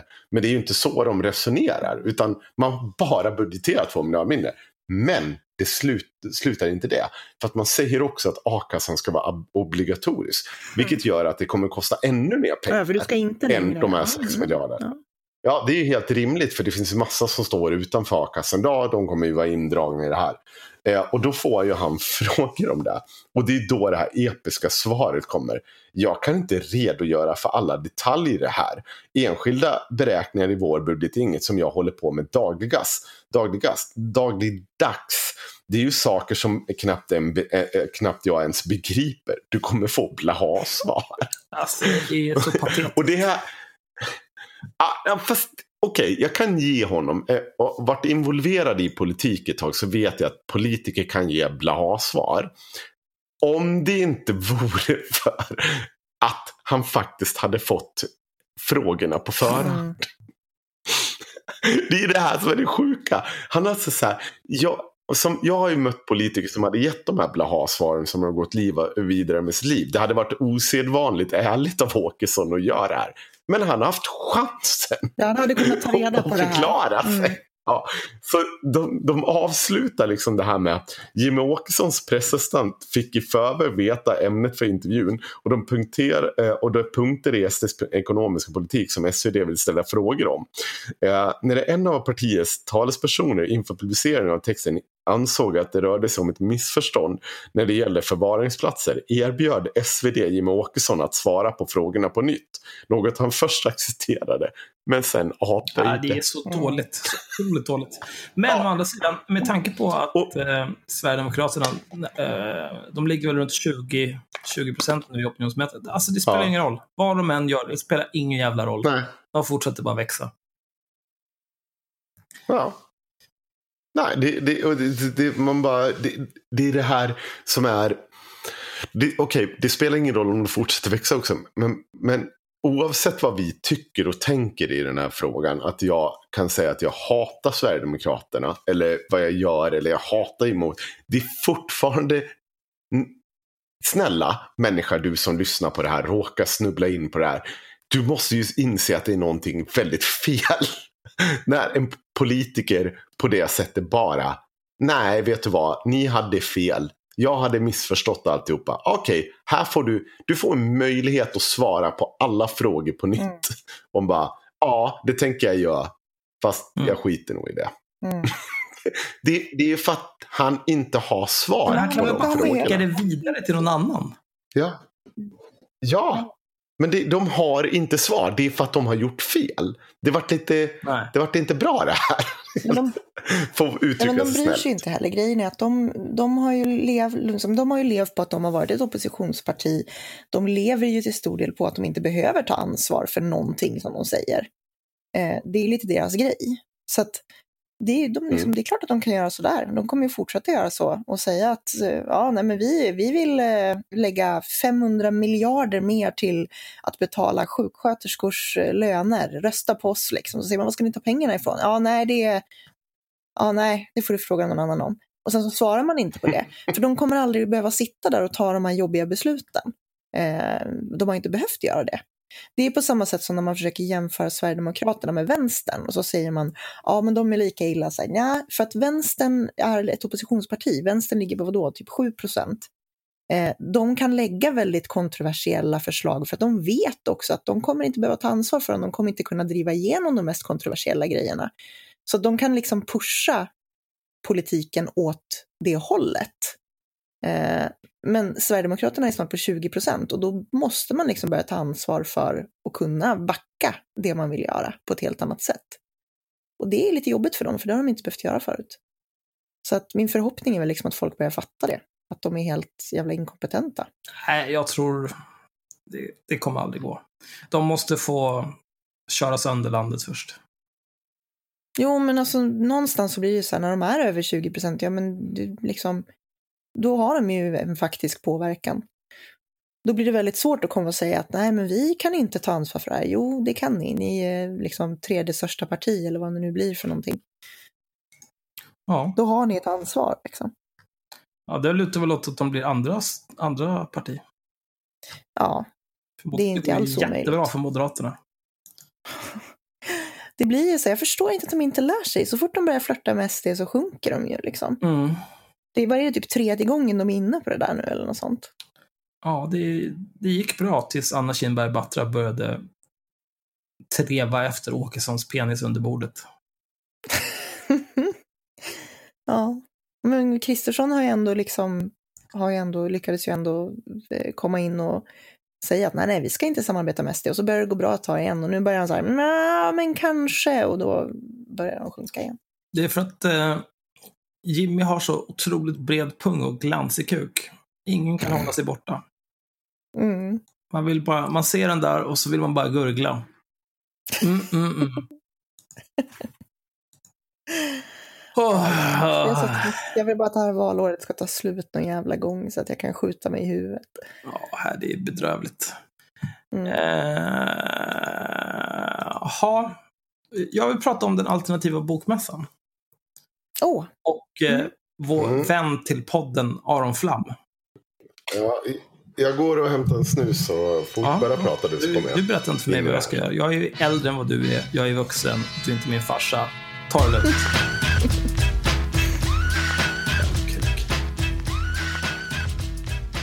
Nya Tider är Mm. ju en eh, nazisttidning. Vi ska inte kalla det det för att det, blev så jävla, det blir så jävla dumt då. Alla säger att det är en nazisttidning. Det de är är väl att de sprider, de är ju en jävla en ding-ding-värld fast på riktigt typ. Mm, jag kallar det alla- nazisttidning för att eh, nazisten Vavrasuk är chefredaktör. Det är rimligt. Förintelseförnekare, förnekaren. Nazist och förintelseförnekare. Mm. Ehm, och sen så kan man ju visst, man kan tro på vad de fria fantasier Per Björklund fick säga oemotsagd när han gästade Navid Modiri i Hur kan vi prata om, vad fan det nu var de pratade om då. Mm. Att nej, nej, här finns ingen rasism och det är ju hundratusen människor som har kommit fram och minsann upptäckt det och börjat prenumerera. Bla, bla, bla, bla, bla. Det kan man tro på bäst man vill, men så är det inte. Vavrasuk är nazist. Eh, Nya Tider går in som huvudsponsor för Alternativ Bokmässa, har de lagt upp en artikel om här. Eh, Nya Tider går in som huvudsponsor för en alternativ bokmässa i Göteborg som kommer att hållas samtidigt som den politiskt korrekta mässan den 29 till 30 september. Arrangörer är alternativmediaprofilerna Per Björklund, som jag just nämnde. Eh, Nina Drakfors, lever hon fortfarande? Helt sjukt. Mm. Och gammal SD-politiker som åkte ut, eh, folkets demonstration. Pegida hade hon väl med att göra också? Eller? Ja. Mm. Och Ja, hon har inte åkt. Nej, vem- Nina vänta, Drakfors- Nina. Drakfors. Nina Drakfors är väl fortfarande aktiv SD-politiker? Ja. Eller har hon blivit, jag kommer fan aldrig ihåg. Jag, jag är inte säker Hon, på att hon, hon var inblandad i Granskning. Sverige Jag tror i alla fall. Eh, hon tror Granskning även att det finns satanistiska Ja, jag- jag budskap kan- i Disney-filmer och att ödlor styr världen och att ugglor pratar med henne, Jag, kan, bland annat. jag, jag har fått en liten, jag har fått en liten grej här som av en säker eh, eh, källa. Eh, för det första så är det så här riktig antisemit som var Brasuk, Arnsberg och Dan Park. Det är väl inget så här nytt under solen. Benulic, eh, tror jag han Benulic. heter, Benulic som en uppenhängare, ja, uppenhängare av vit maktmiljön och medverkar även på Nordiska alternativhögers konferens. Ja, Nina Drakfors, eh, talesperson för Granskning Sverige som är ju ganska tokantisemitiskt. Per Björklund som samarbetar med Bishir Abani sprider finsprångsinlägg mot oliktänkande och jobbar för antisemit, antisemitlaska nya tider. Ja, det är ett fint gäng Mm. han Ja. sätter sig med här. Och då har vi kommit man- till deltagarlistan. Eh, deltagare är bland andra Katarina Janouch, givetvis. Såklart. Karl Olof Arnsberg, det vet inte jag vem det är. Mm, nej, inte jag heller. Eh, Dan Park, Mm, han är ju nasse. känd samhällsparasit Mm. och nazistkollaboratör. Mm. Mm. Mona Walter, eh, the original avhoppad muslim. Mm.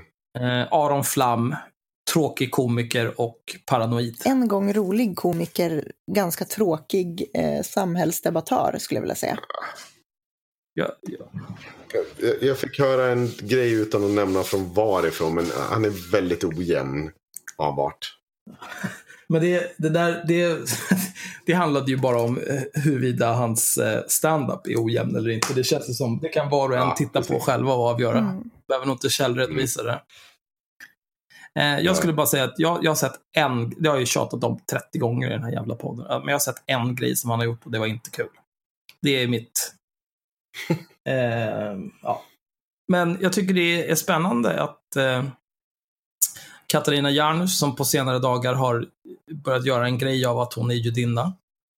Och eh, Aron Flam som eh, har kallat halva världen för antisemiter vid det här laget ger sig i lag med en förintelseförnekares bokmässa och sätter sig med eh, en nazistkollaboratör som Dan Park, eh, en total galning som Nina Dragfors och så vidare. Mm. Det är lite sorgligt, tycker jag. Jag tycker fortfarande att det är lite sorgligt. Eh, när, alltså, någonstans så, så liksom eh, så krymper ju liksom avståndet mellan människor som eh, eventuellt har någonting vettigt att säga liksom. Eh, och folk som tror att ugglor pratar med dem och håller på med hawaiiansk tarmsköljning som Nina Drakfors. Men, men, men, det, men åh, det måste ju, har vi pratat om att Ingrid och Konrad har slutat podda? Nej, det har vi inte pratat om, men det finns väl inte... Och att Ingrid, och Ingrid, Ingrid jobbar inte längre på Svegot heller. Nej. Ja, det tog ju jättelång tid. Vad tog det? Ett par månader innan det där rasade ihop. Mm. Mm. Otippat. Så nu har hon ju liksom bränt typ alla rassetidningar, så frågan är vad hon ska ta vägen nu. Men hon har ju Apropå någon ny att liksom hela någon tiden- annan- Eh, vad fan var det? Nej, jag bort pojke. Men hon skrev en kommentar när de hade lagt upp sitt första avsnitt eh, på YouTube. När man vaknar mitt i natten, ser att 666 personer har lyssnat och blir kallad jude. Då är det svårt att somna om. Ja. närmade sig tusen visningar och jag tycker det är stor humor att vänsterextremister kallar mig nazist och högerextremister kallar mig jude eller sionist. Hon borde inte tycka att det är stor humor, för det betyder att det finns ingenstans att hämta pengar. Nej. Eh, Press F. Det är liksom... Man, man behöver göra som typ Katarina Janouch eller Aron Flam och de här. Man behöver hitta sin målgrupp liksom och hålla sig till det. Sen, Eller för Bali som vägrar ta avstånd från en massa jävla högernötter som sitter och hejar på. Ja, men, vad är Hanif Bali utan sin löjliga lilla svans? Mm. Han är en kort, skäggig liten, liten knytt. Som lägger upp bilder när han lyfter på gymmet. För att han är en osäker liten mobbad sopa. Eh, han känns väl ganska genomgående väldigt, eh, jag vet inte, jag beskrev väl hans, den här bilden liksom som han satt och delade när man hade photoshopat in honom på Call of Duty. Det är ju väldigt så här tonårspojkigt allting. Ja, Jag tror, att jag, jag, tror att jag kallade det jag tror att jag kallade det förhudsdoftande, men det var... Mm, det var, en väldigt bra, en väldigt bra beskrivning. Ett bra Mm. adjektiv. japp. Men jag tror att det, det var ungefär det jag menade. Mm. Men jag tycker också att det är kul att eh, Hanif Bali de senaste veckorna sakta har trappat upp sin Twitter-närvaro efter att Husse ryckte i kopplet senast. Men de insåg väl att eh, de har ingen som kan liksom, opinionsbilda åt dem på Twitter. Men Lars utom, Beckman, utom Hanif. Ja, men Lars Beckman är ju skittråkig. Han boomerdelar ju bara memes han inte begriper och bara är sämst. men det är så politiker ska göra. Jag tycker att det finns något väldigt betryggande i det. Det Ja, finns något extremt betryggande i att de sitter och, liksom eh, gubbdelar eh, så här, saker de inte förstår sig på. Jag tycker politiker ska vara tråkiga och inte förstå memes. Jag tycker att det Ja. känns bra. jag, jag vill ha politiker som är seriösa. Ja. Alltså inte eh, dela liksom memes om att klimatförändringar inte finns. Mm, Det vill inte jag. jag vill inte, alltså trista memes också. Okej om det är bra memes. mm. Men jag vill inte se så här rageface memes 2 lax 18. Men det är Då inte får du fan seriöst. hoppa in i din tidsmaskin och åka hem igen. Nej, men ska man vara seriös, man kan ju dela memes som seriös, men då ska du ju vara seriös med memesen också. Då ska du ju verkligen hitta the good shit. Ja, det måste ju vara stronka memes. Fuktiga Mm. som fan. Nystekta. Mm. Skulle vi säga någonting om Hanif Bali? Jag tror att jag och Henrik skulle bråka om någonting om Hanif Bali. Jag har sagt allt jag har att säga.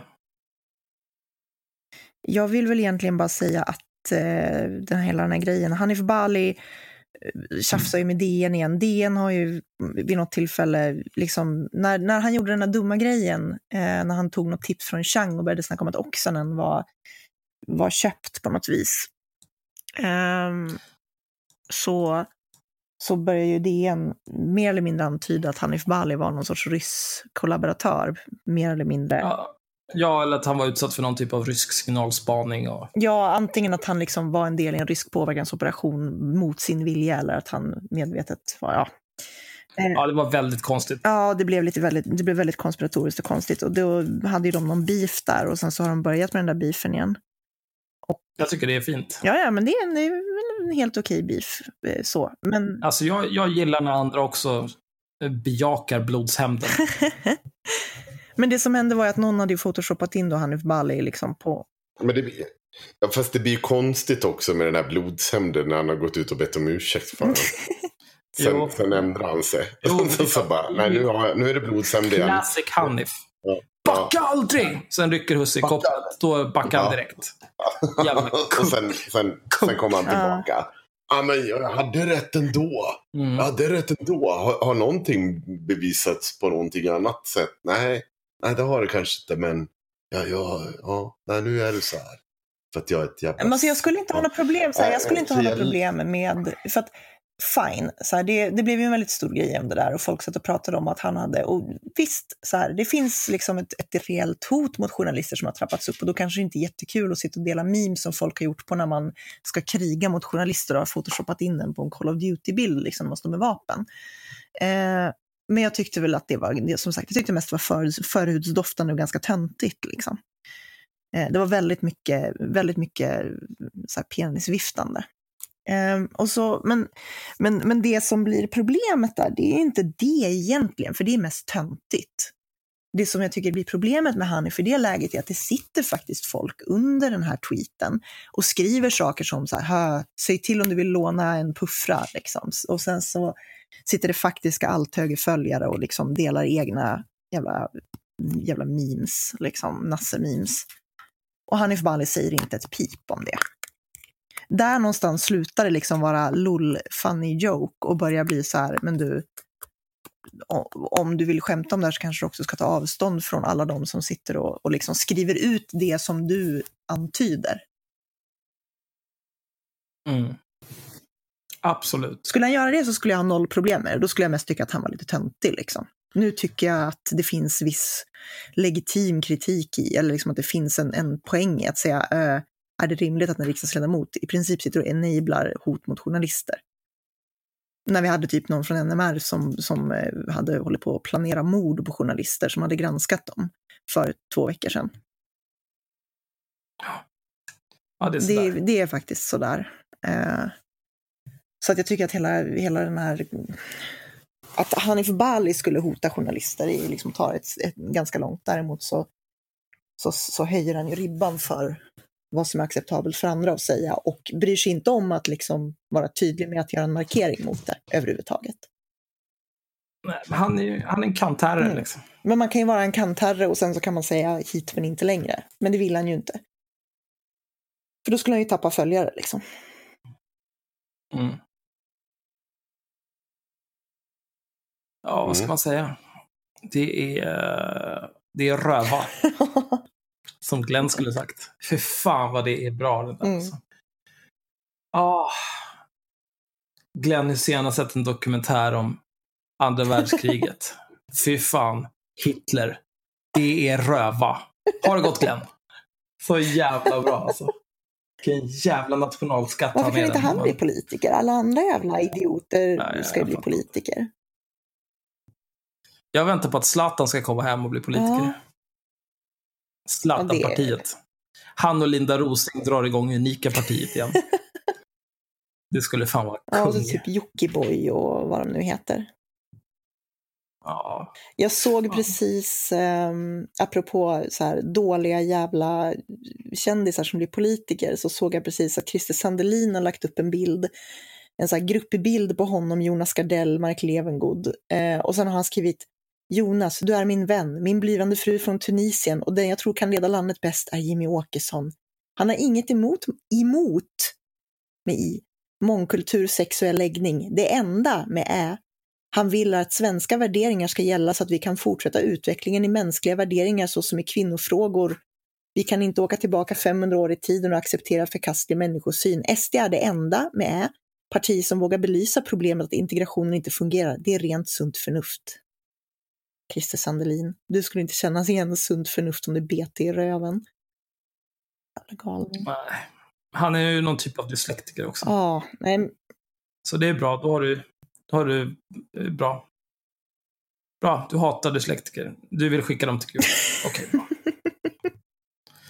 Eh, Ja, okej, det var inte är, det- är det dags att packa ihop nu, eller har vi något mer? Mm, nej, jag tror inte det. Det var spärra av Stockholm för Nassemarschen. Det var väl typ det som var kvar. Och vi kan konstatera att det gick inte så bra för nassarna. För de gick ingenstans den här gången.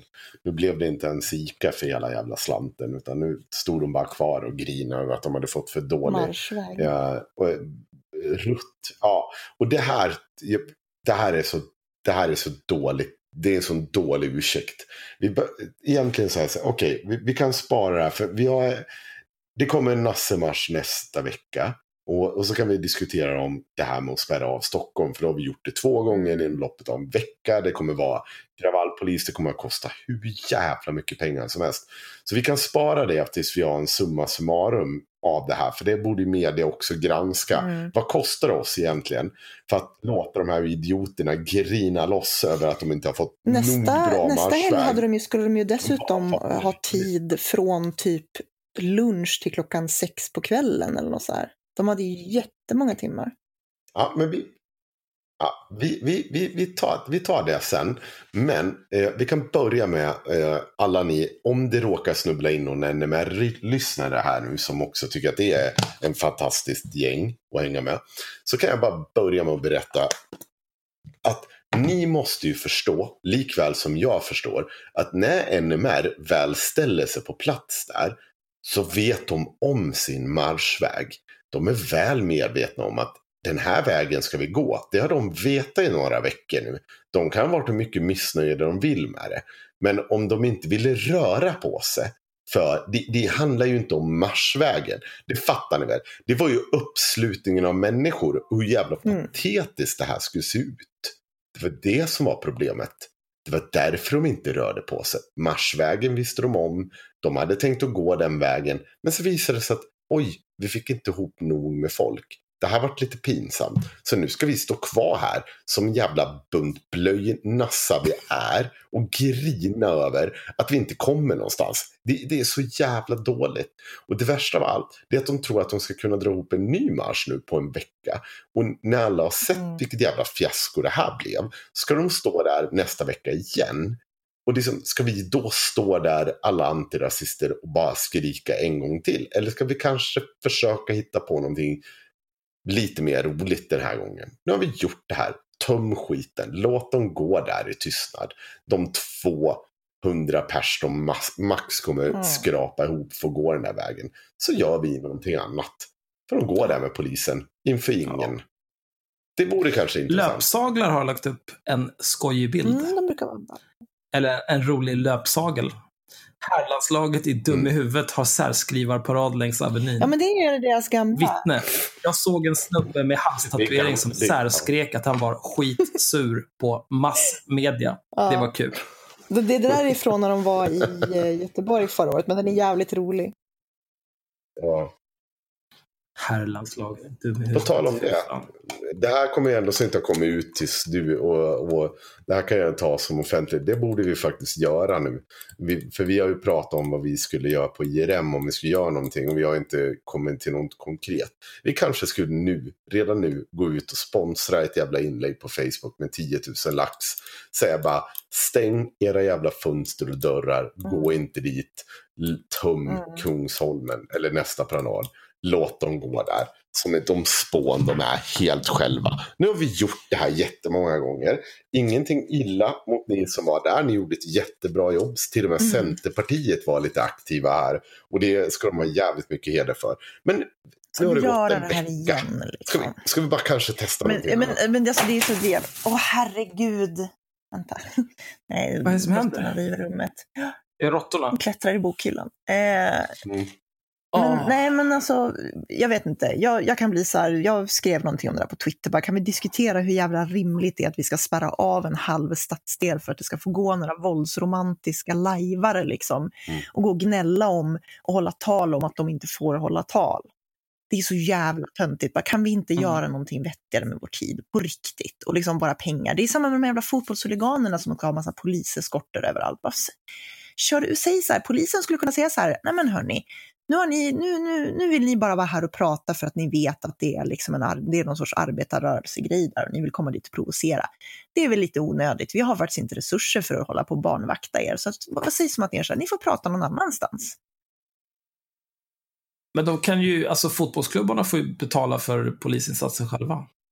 Det är bara att skicka en faktura till NMR för deras kostnaden för att Ja, eller så dem. bara så här, antingen så tar ni den här kostnaden för att ni ska få vara på det här stället vid den tiden, eller så tar ni en annan tilldelad plats. Liksom.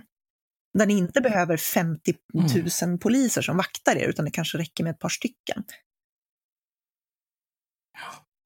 Eller så skiter de bara i att vakta dem. För jag menar, det är ju inte som att eh, polisen är där för att skydda Nej. allmänheten Nej, nej, mot de är där för att skydda. Men, Tvärtom. men, jag menar, men det, är lite, det, det kan ju faktiskt vändas emot, liksom, emot andra. Jag menar, säg att IRM vill göra någonting och sen så, så bara, ja men ni, ja, Nassan är arga på er så att ni ska inte få någon polis som vaktar er. Eh, Nej, men ni får väl hyra in fan, vad legoknektar. historia. Tänk bara ha, en, tänk bara ha liksom Främlingslegionen med sig. När man gör, det, det, det vill jag ha. Det ska jag be styrelsen om. Ja, gör det. Nej, men vet du vad? Jag har redan lagt upp det här förslaget i Mm. IRMs kampanjgrupp. Att nu tömmer vi den här jävla skiten. Vi Mm. bara siktar på opinionsbildning. Nu tömmer vi. Nu Men får låt gå mig, själva. låt mig göra Nu har ni det betett er Jag illa nog många gånger. Nu är det ingen som orkar med. Ja, nu, nu är det hög tid att Mm. avsluta för idag, det hör jag. När ni bara, istället för att svartpodda svartjobbar. Precis. Eh, Okej, vad bra. Då eh, tackar vi för oss. Eh, haveristerna har som Mm. vanligt varit Axel, Myra och Henrik. Det här var avsnitt 30, inspelat den 26 augusti. Två lax 18. Kom ihåg att ge oss cash så vi får slut på Myras jävla... Ja, men köp den där skiten imorgon och berätta vad det Ja, kostar så skickar jag pengar. jag fixar det. Jag kan beställa den Ja. nu när jag går och lägger mig. Jag har ingen aning. Do it. Vad kostar den då? Ja, ja, Eh, jag Skriv det sen. Skriv. Ja, eh, vi Läser läser. det. Läser. det. Rita mer Eh, fanart. Okej. Eh, ja, mer fanart vill vi ha. Det är faktiskt eh, det, det är bra om ni ger oss pengar, men det är nästan bättre om ni gör fanart. Eller Mm. skriv en haiku om oss, eller, gör någonting. Eh, men ja, i och för sig, pengar är bättre. Men ni gör som ni vill förstås. Jag kan säga att vår senaste Patreon eh, vill betala 10 dollar per avsnitt. Så där ligger ni i lä, era snåla jävla kukar. Vi kanske ska skicka någon sorts present till den här personen. Nej, jag har accepterat att jag orkar fan aldrig skicka några jävla kattmasker, så det blir inget. De får ligga här och ruttna bort. Vi kan, eh, vi kan göra så att vi kan... Vi kan väl ge eh, bort När vi har dem. 100 patrons så ska vi ju ha ett fylleslag. Ja, men precis. Då kan vi ge bort dem då. Ja, vi kan dela ut kattmasker då. Mm. Eh, och typ eh, signerade mordhot. Jag vet inte vad mer jag kan bidra med. Ehm, ja, men det låter väl rimligt. Jag ehm, tänker att... Jag är nästan lite sugen på att vi ska ha tior som Navid hade. Men typ så här, jag hjälper dig med, ja, vi har ett samtal med dig inför ett jobbigt möte du har på din arbetsplats. Ja, men det, vi skulle vara Mm. jättebra. Tänk oss som så här livscoacher. Ja. N- men Navid har blockat mig på Facebook. Jag är mycket kränkt. Mm, det har vi inte ens Nej, det pratat finns om. inte mycket att säga.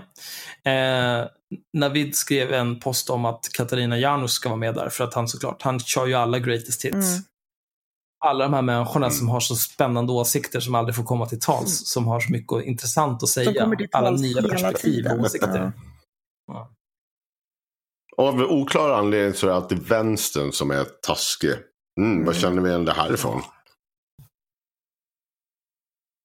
Jävla stolpskott, din jävla Det småvårare. kan, ju vara, det kan ju vara så att vänstern är taskig mot, mot dig Navid, därför att du säger att du ska lyfta kontroversiella människor, sen så tar du in typ förintelseförnekare och låter dem sitta oemotsagda när de säger att de inte är förintelseförnekare.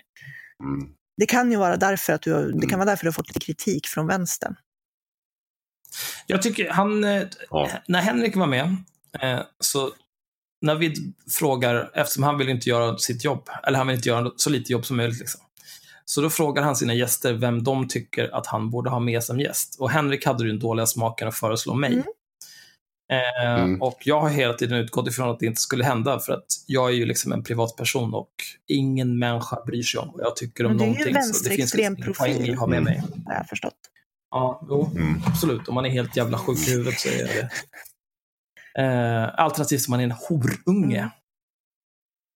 Eh, men eh, då, jag har ju utgått ifrån att jag inte skulle få någon inbjudan. Men vi påstod på Twitter att det är på gång. Men sen har han å andra sidan efter det blockat mig på Facebook efter att jag eh, föreslog lite frågor han kunde ställa till Katarina Fast det var ju för att Janouch. Bianca lipade.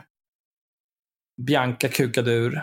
Men det här pratade vi väl Eh, visst om? Vi sen- pratade väl om att du var kränkt för att Bianca satt och sa att du hade, eh, var kvinnohatare och allt vad det var och rasist. Ja, men det pratade du om för typ ett år sedan. Jag tror det var förra avsnittet. Det var ju det. Var ju det. Nej, det här, det här hade inte hänt förra avsnittet. Nej. Förra avsnittet är en månad sedan.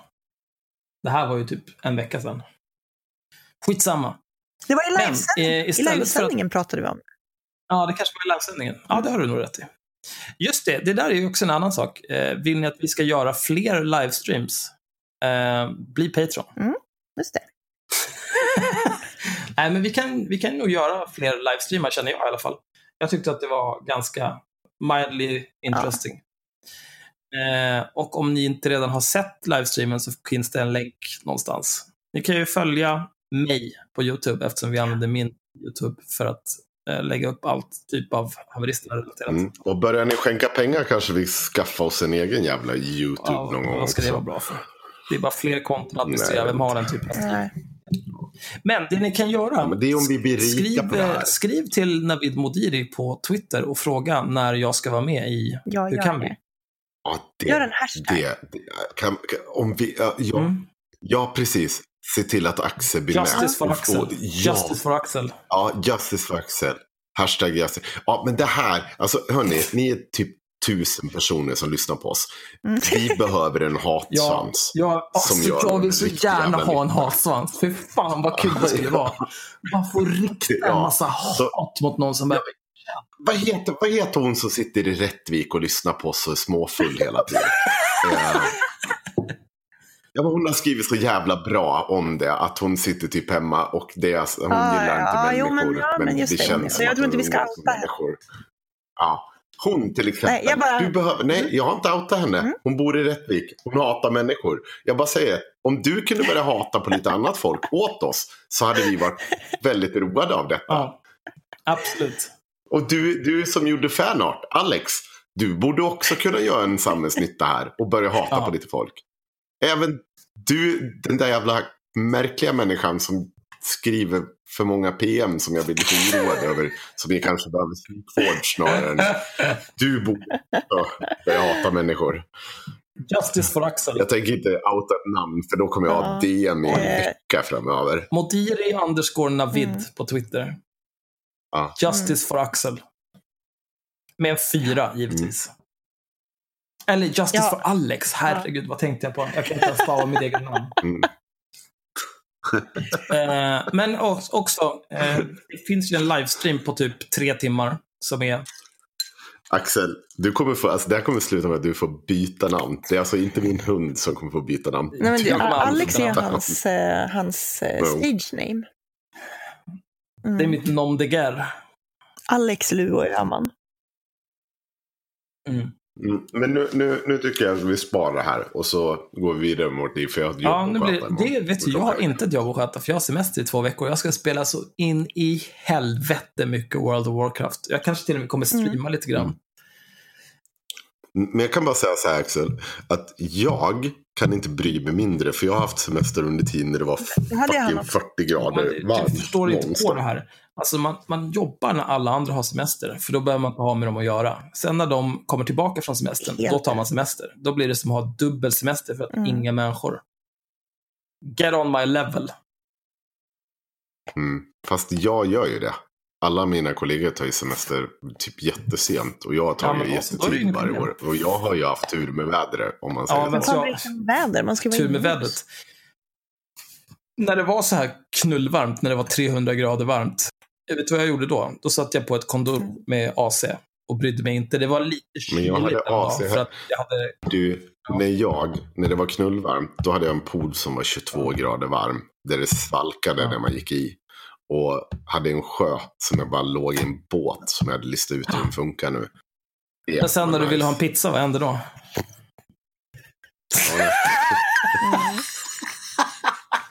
Ja, det var ju fakt. Mm. Bra, då har vi löst det. Då har vi lyckats skrapa ihop Ja, två bra. timmar podd den här gången också. Det är Mm. otroligt.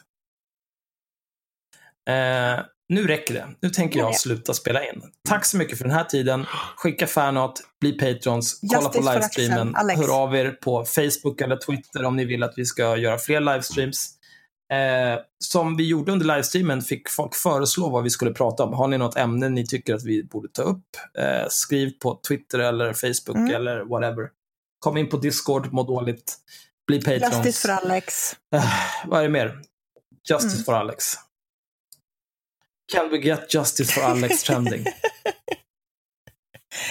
Ja. Åh, en hatsvans. Mm. Man sitter där, och, sitter där och smekar din hatsvans hela dagarna. Mm. Har, vi, har vi slutat Nej, vi spela har in slutat spela in. Nej, vi? men ja, men vi gör det nu. Nu skiter vi i det. Puss och kram. I got trap money. I got trap. I got trap. I got trap money. I got trap. I got trap money. 24 show, but it's really rap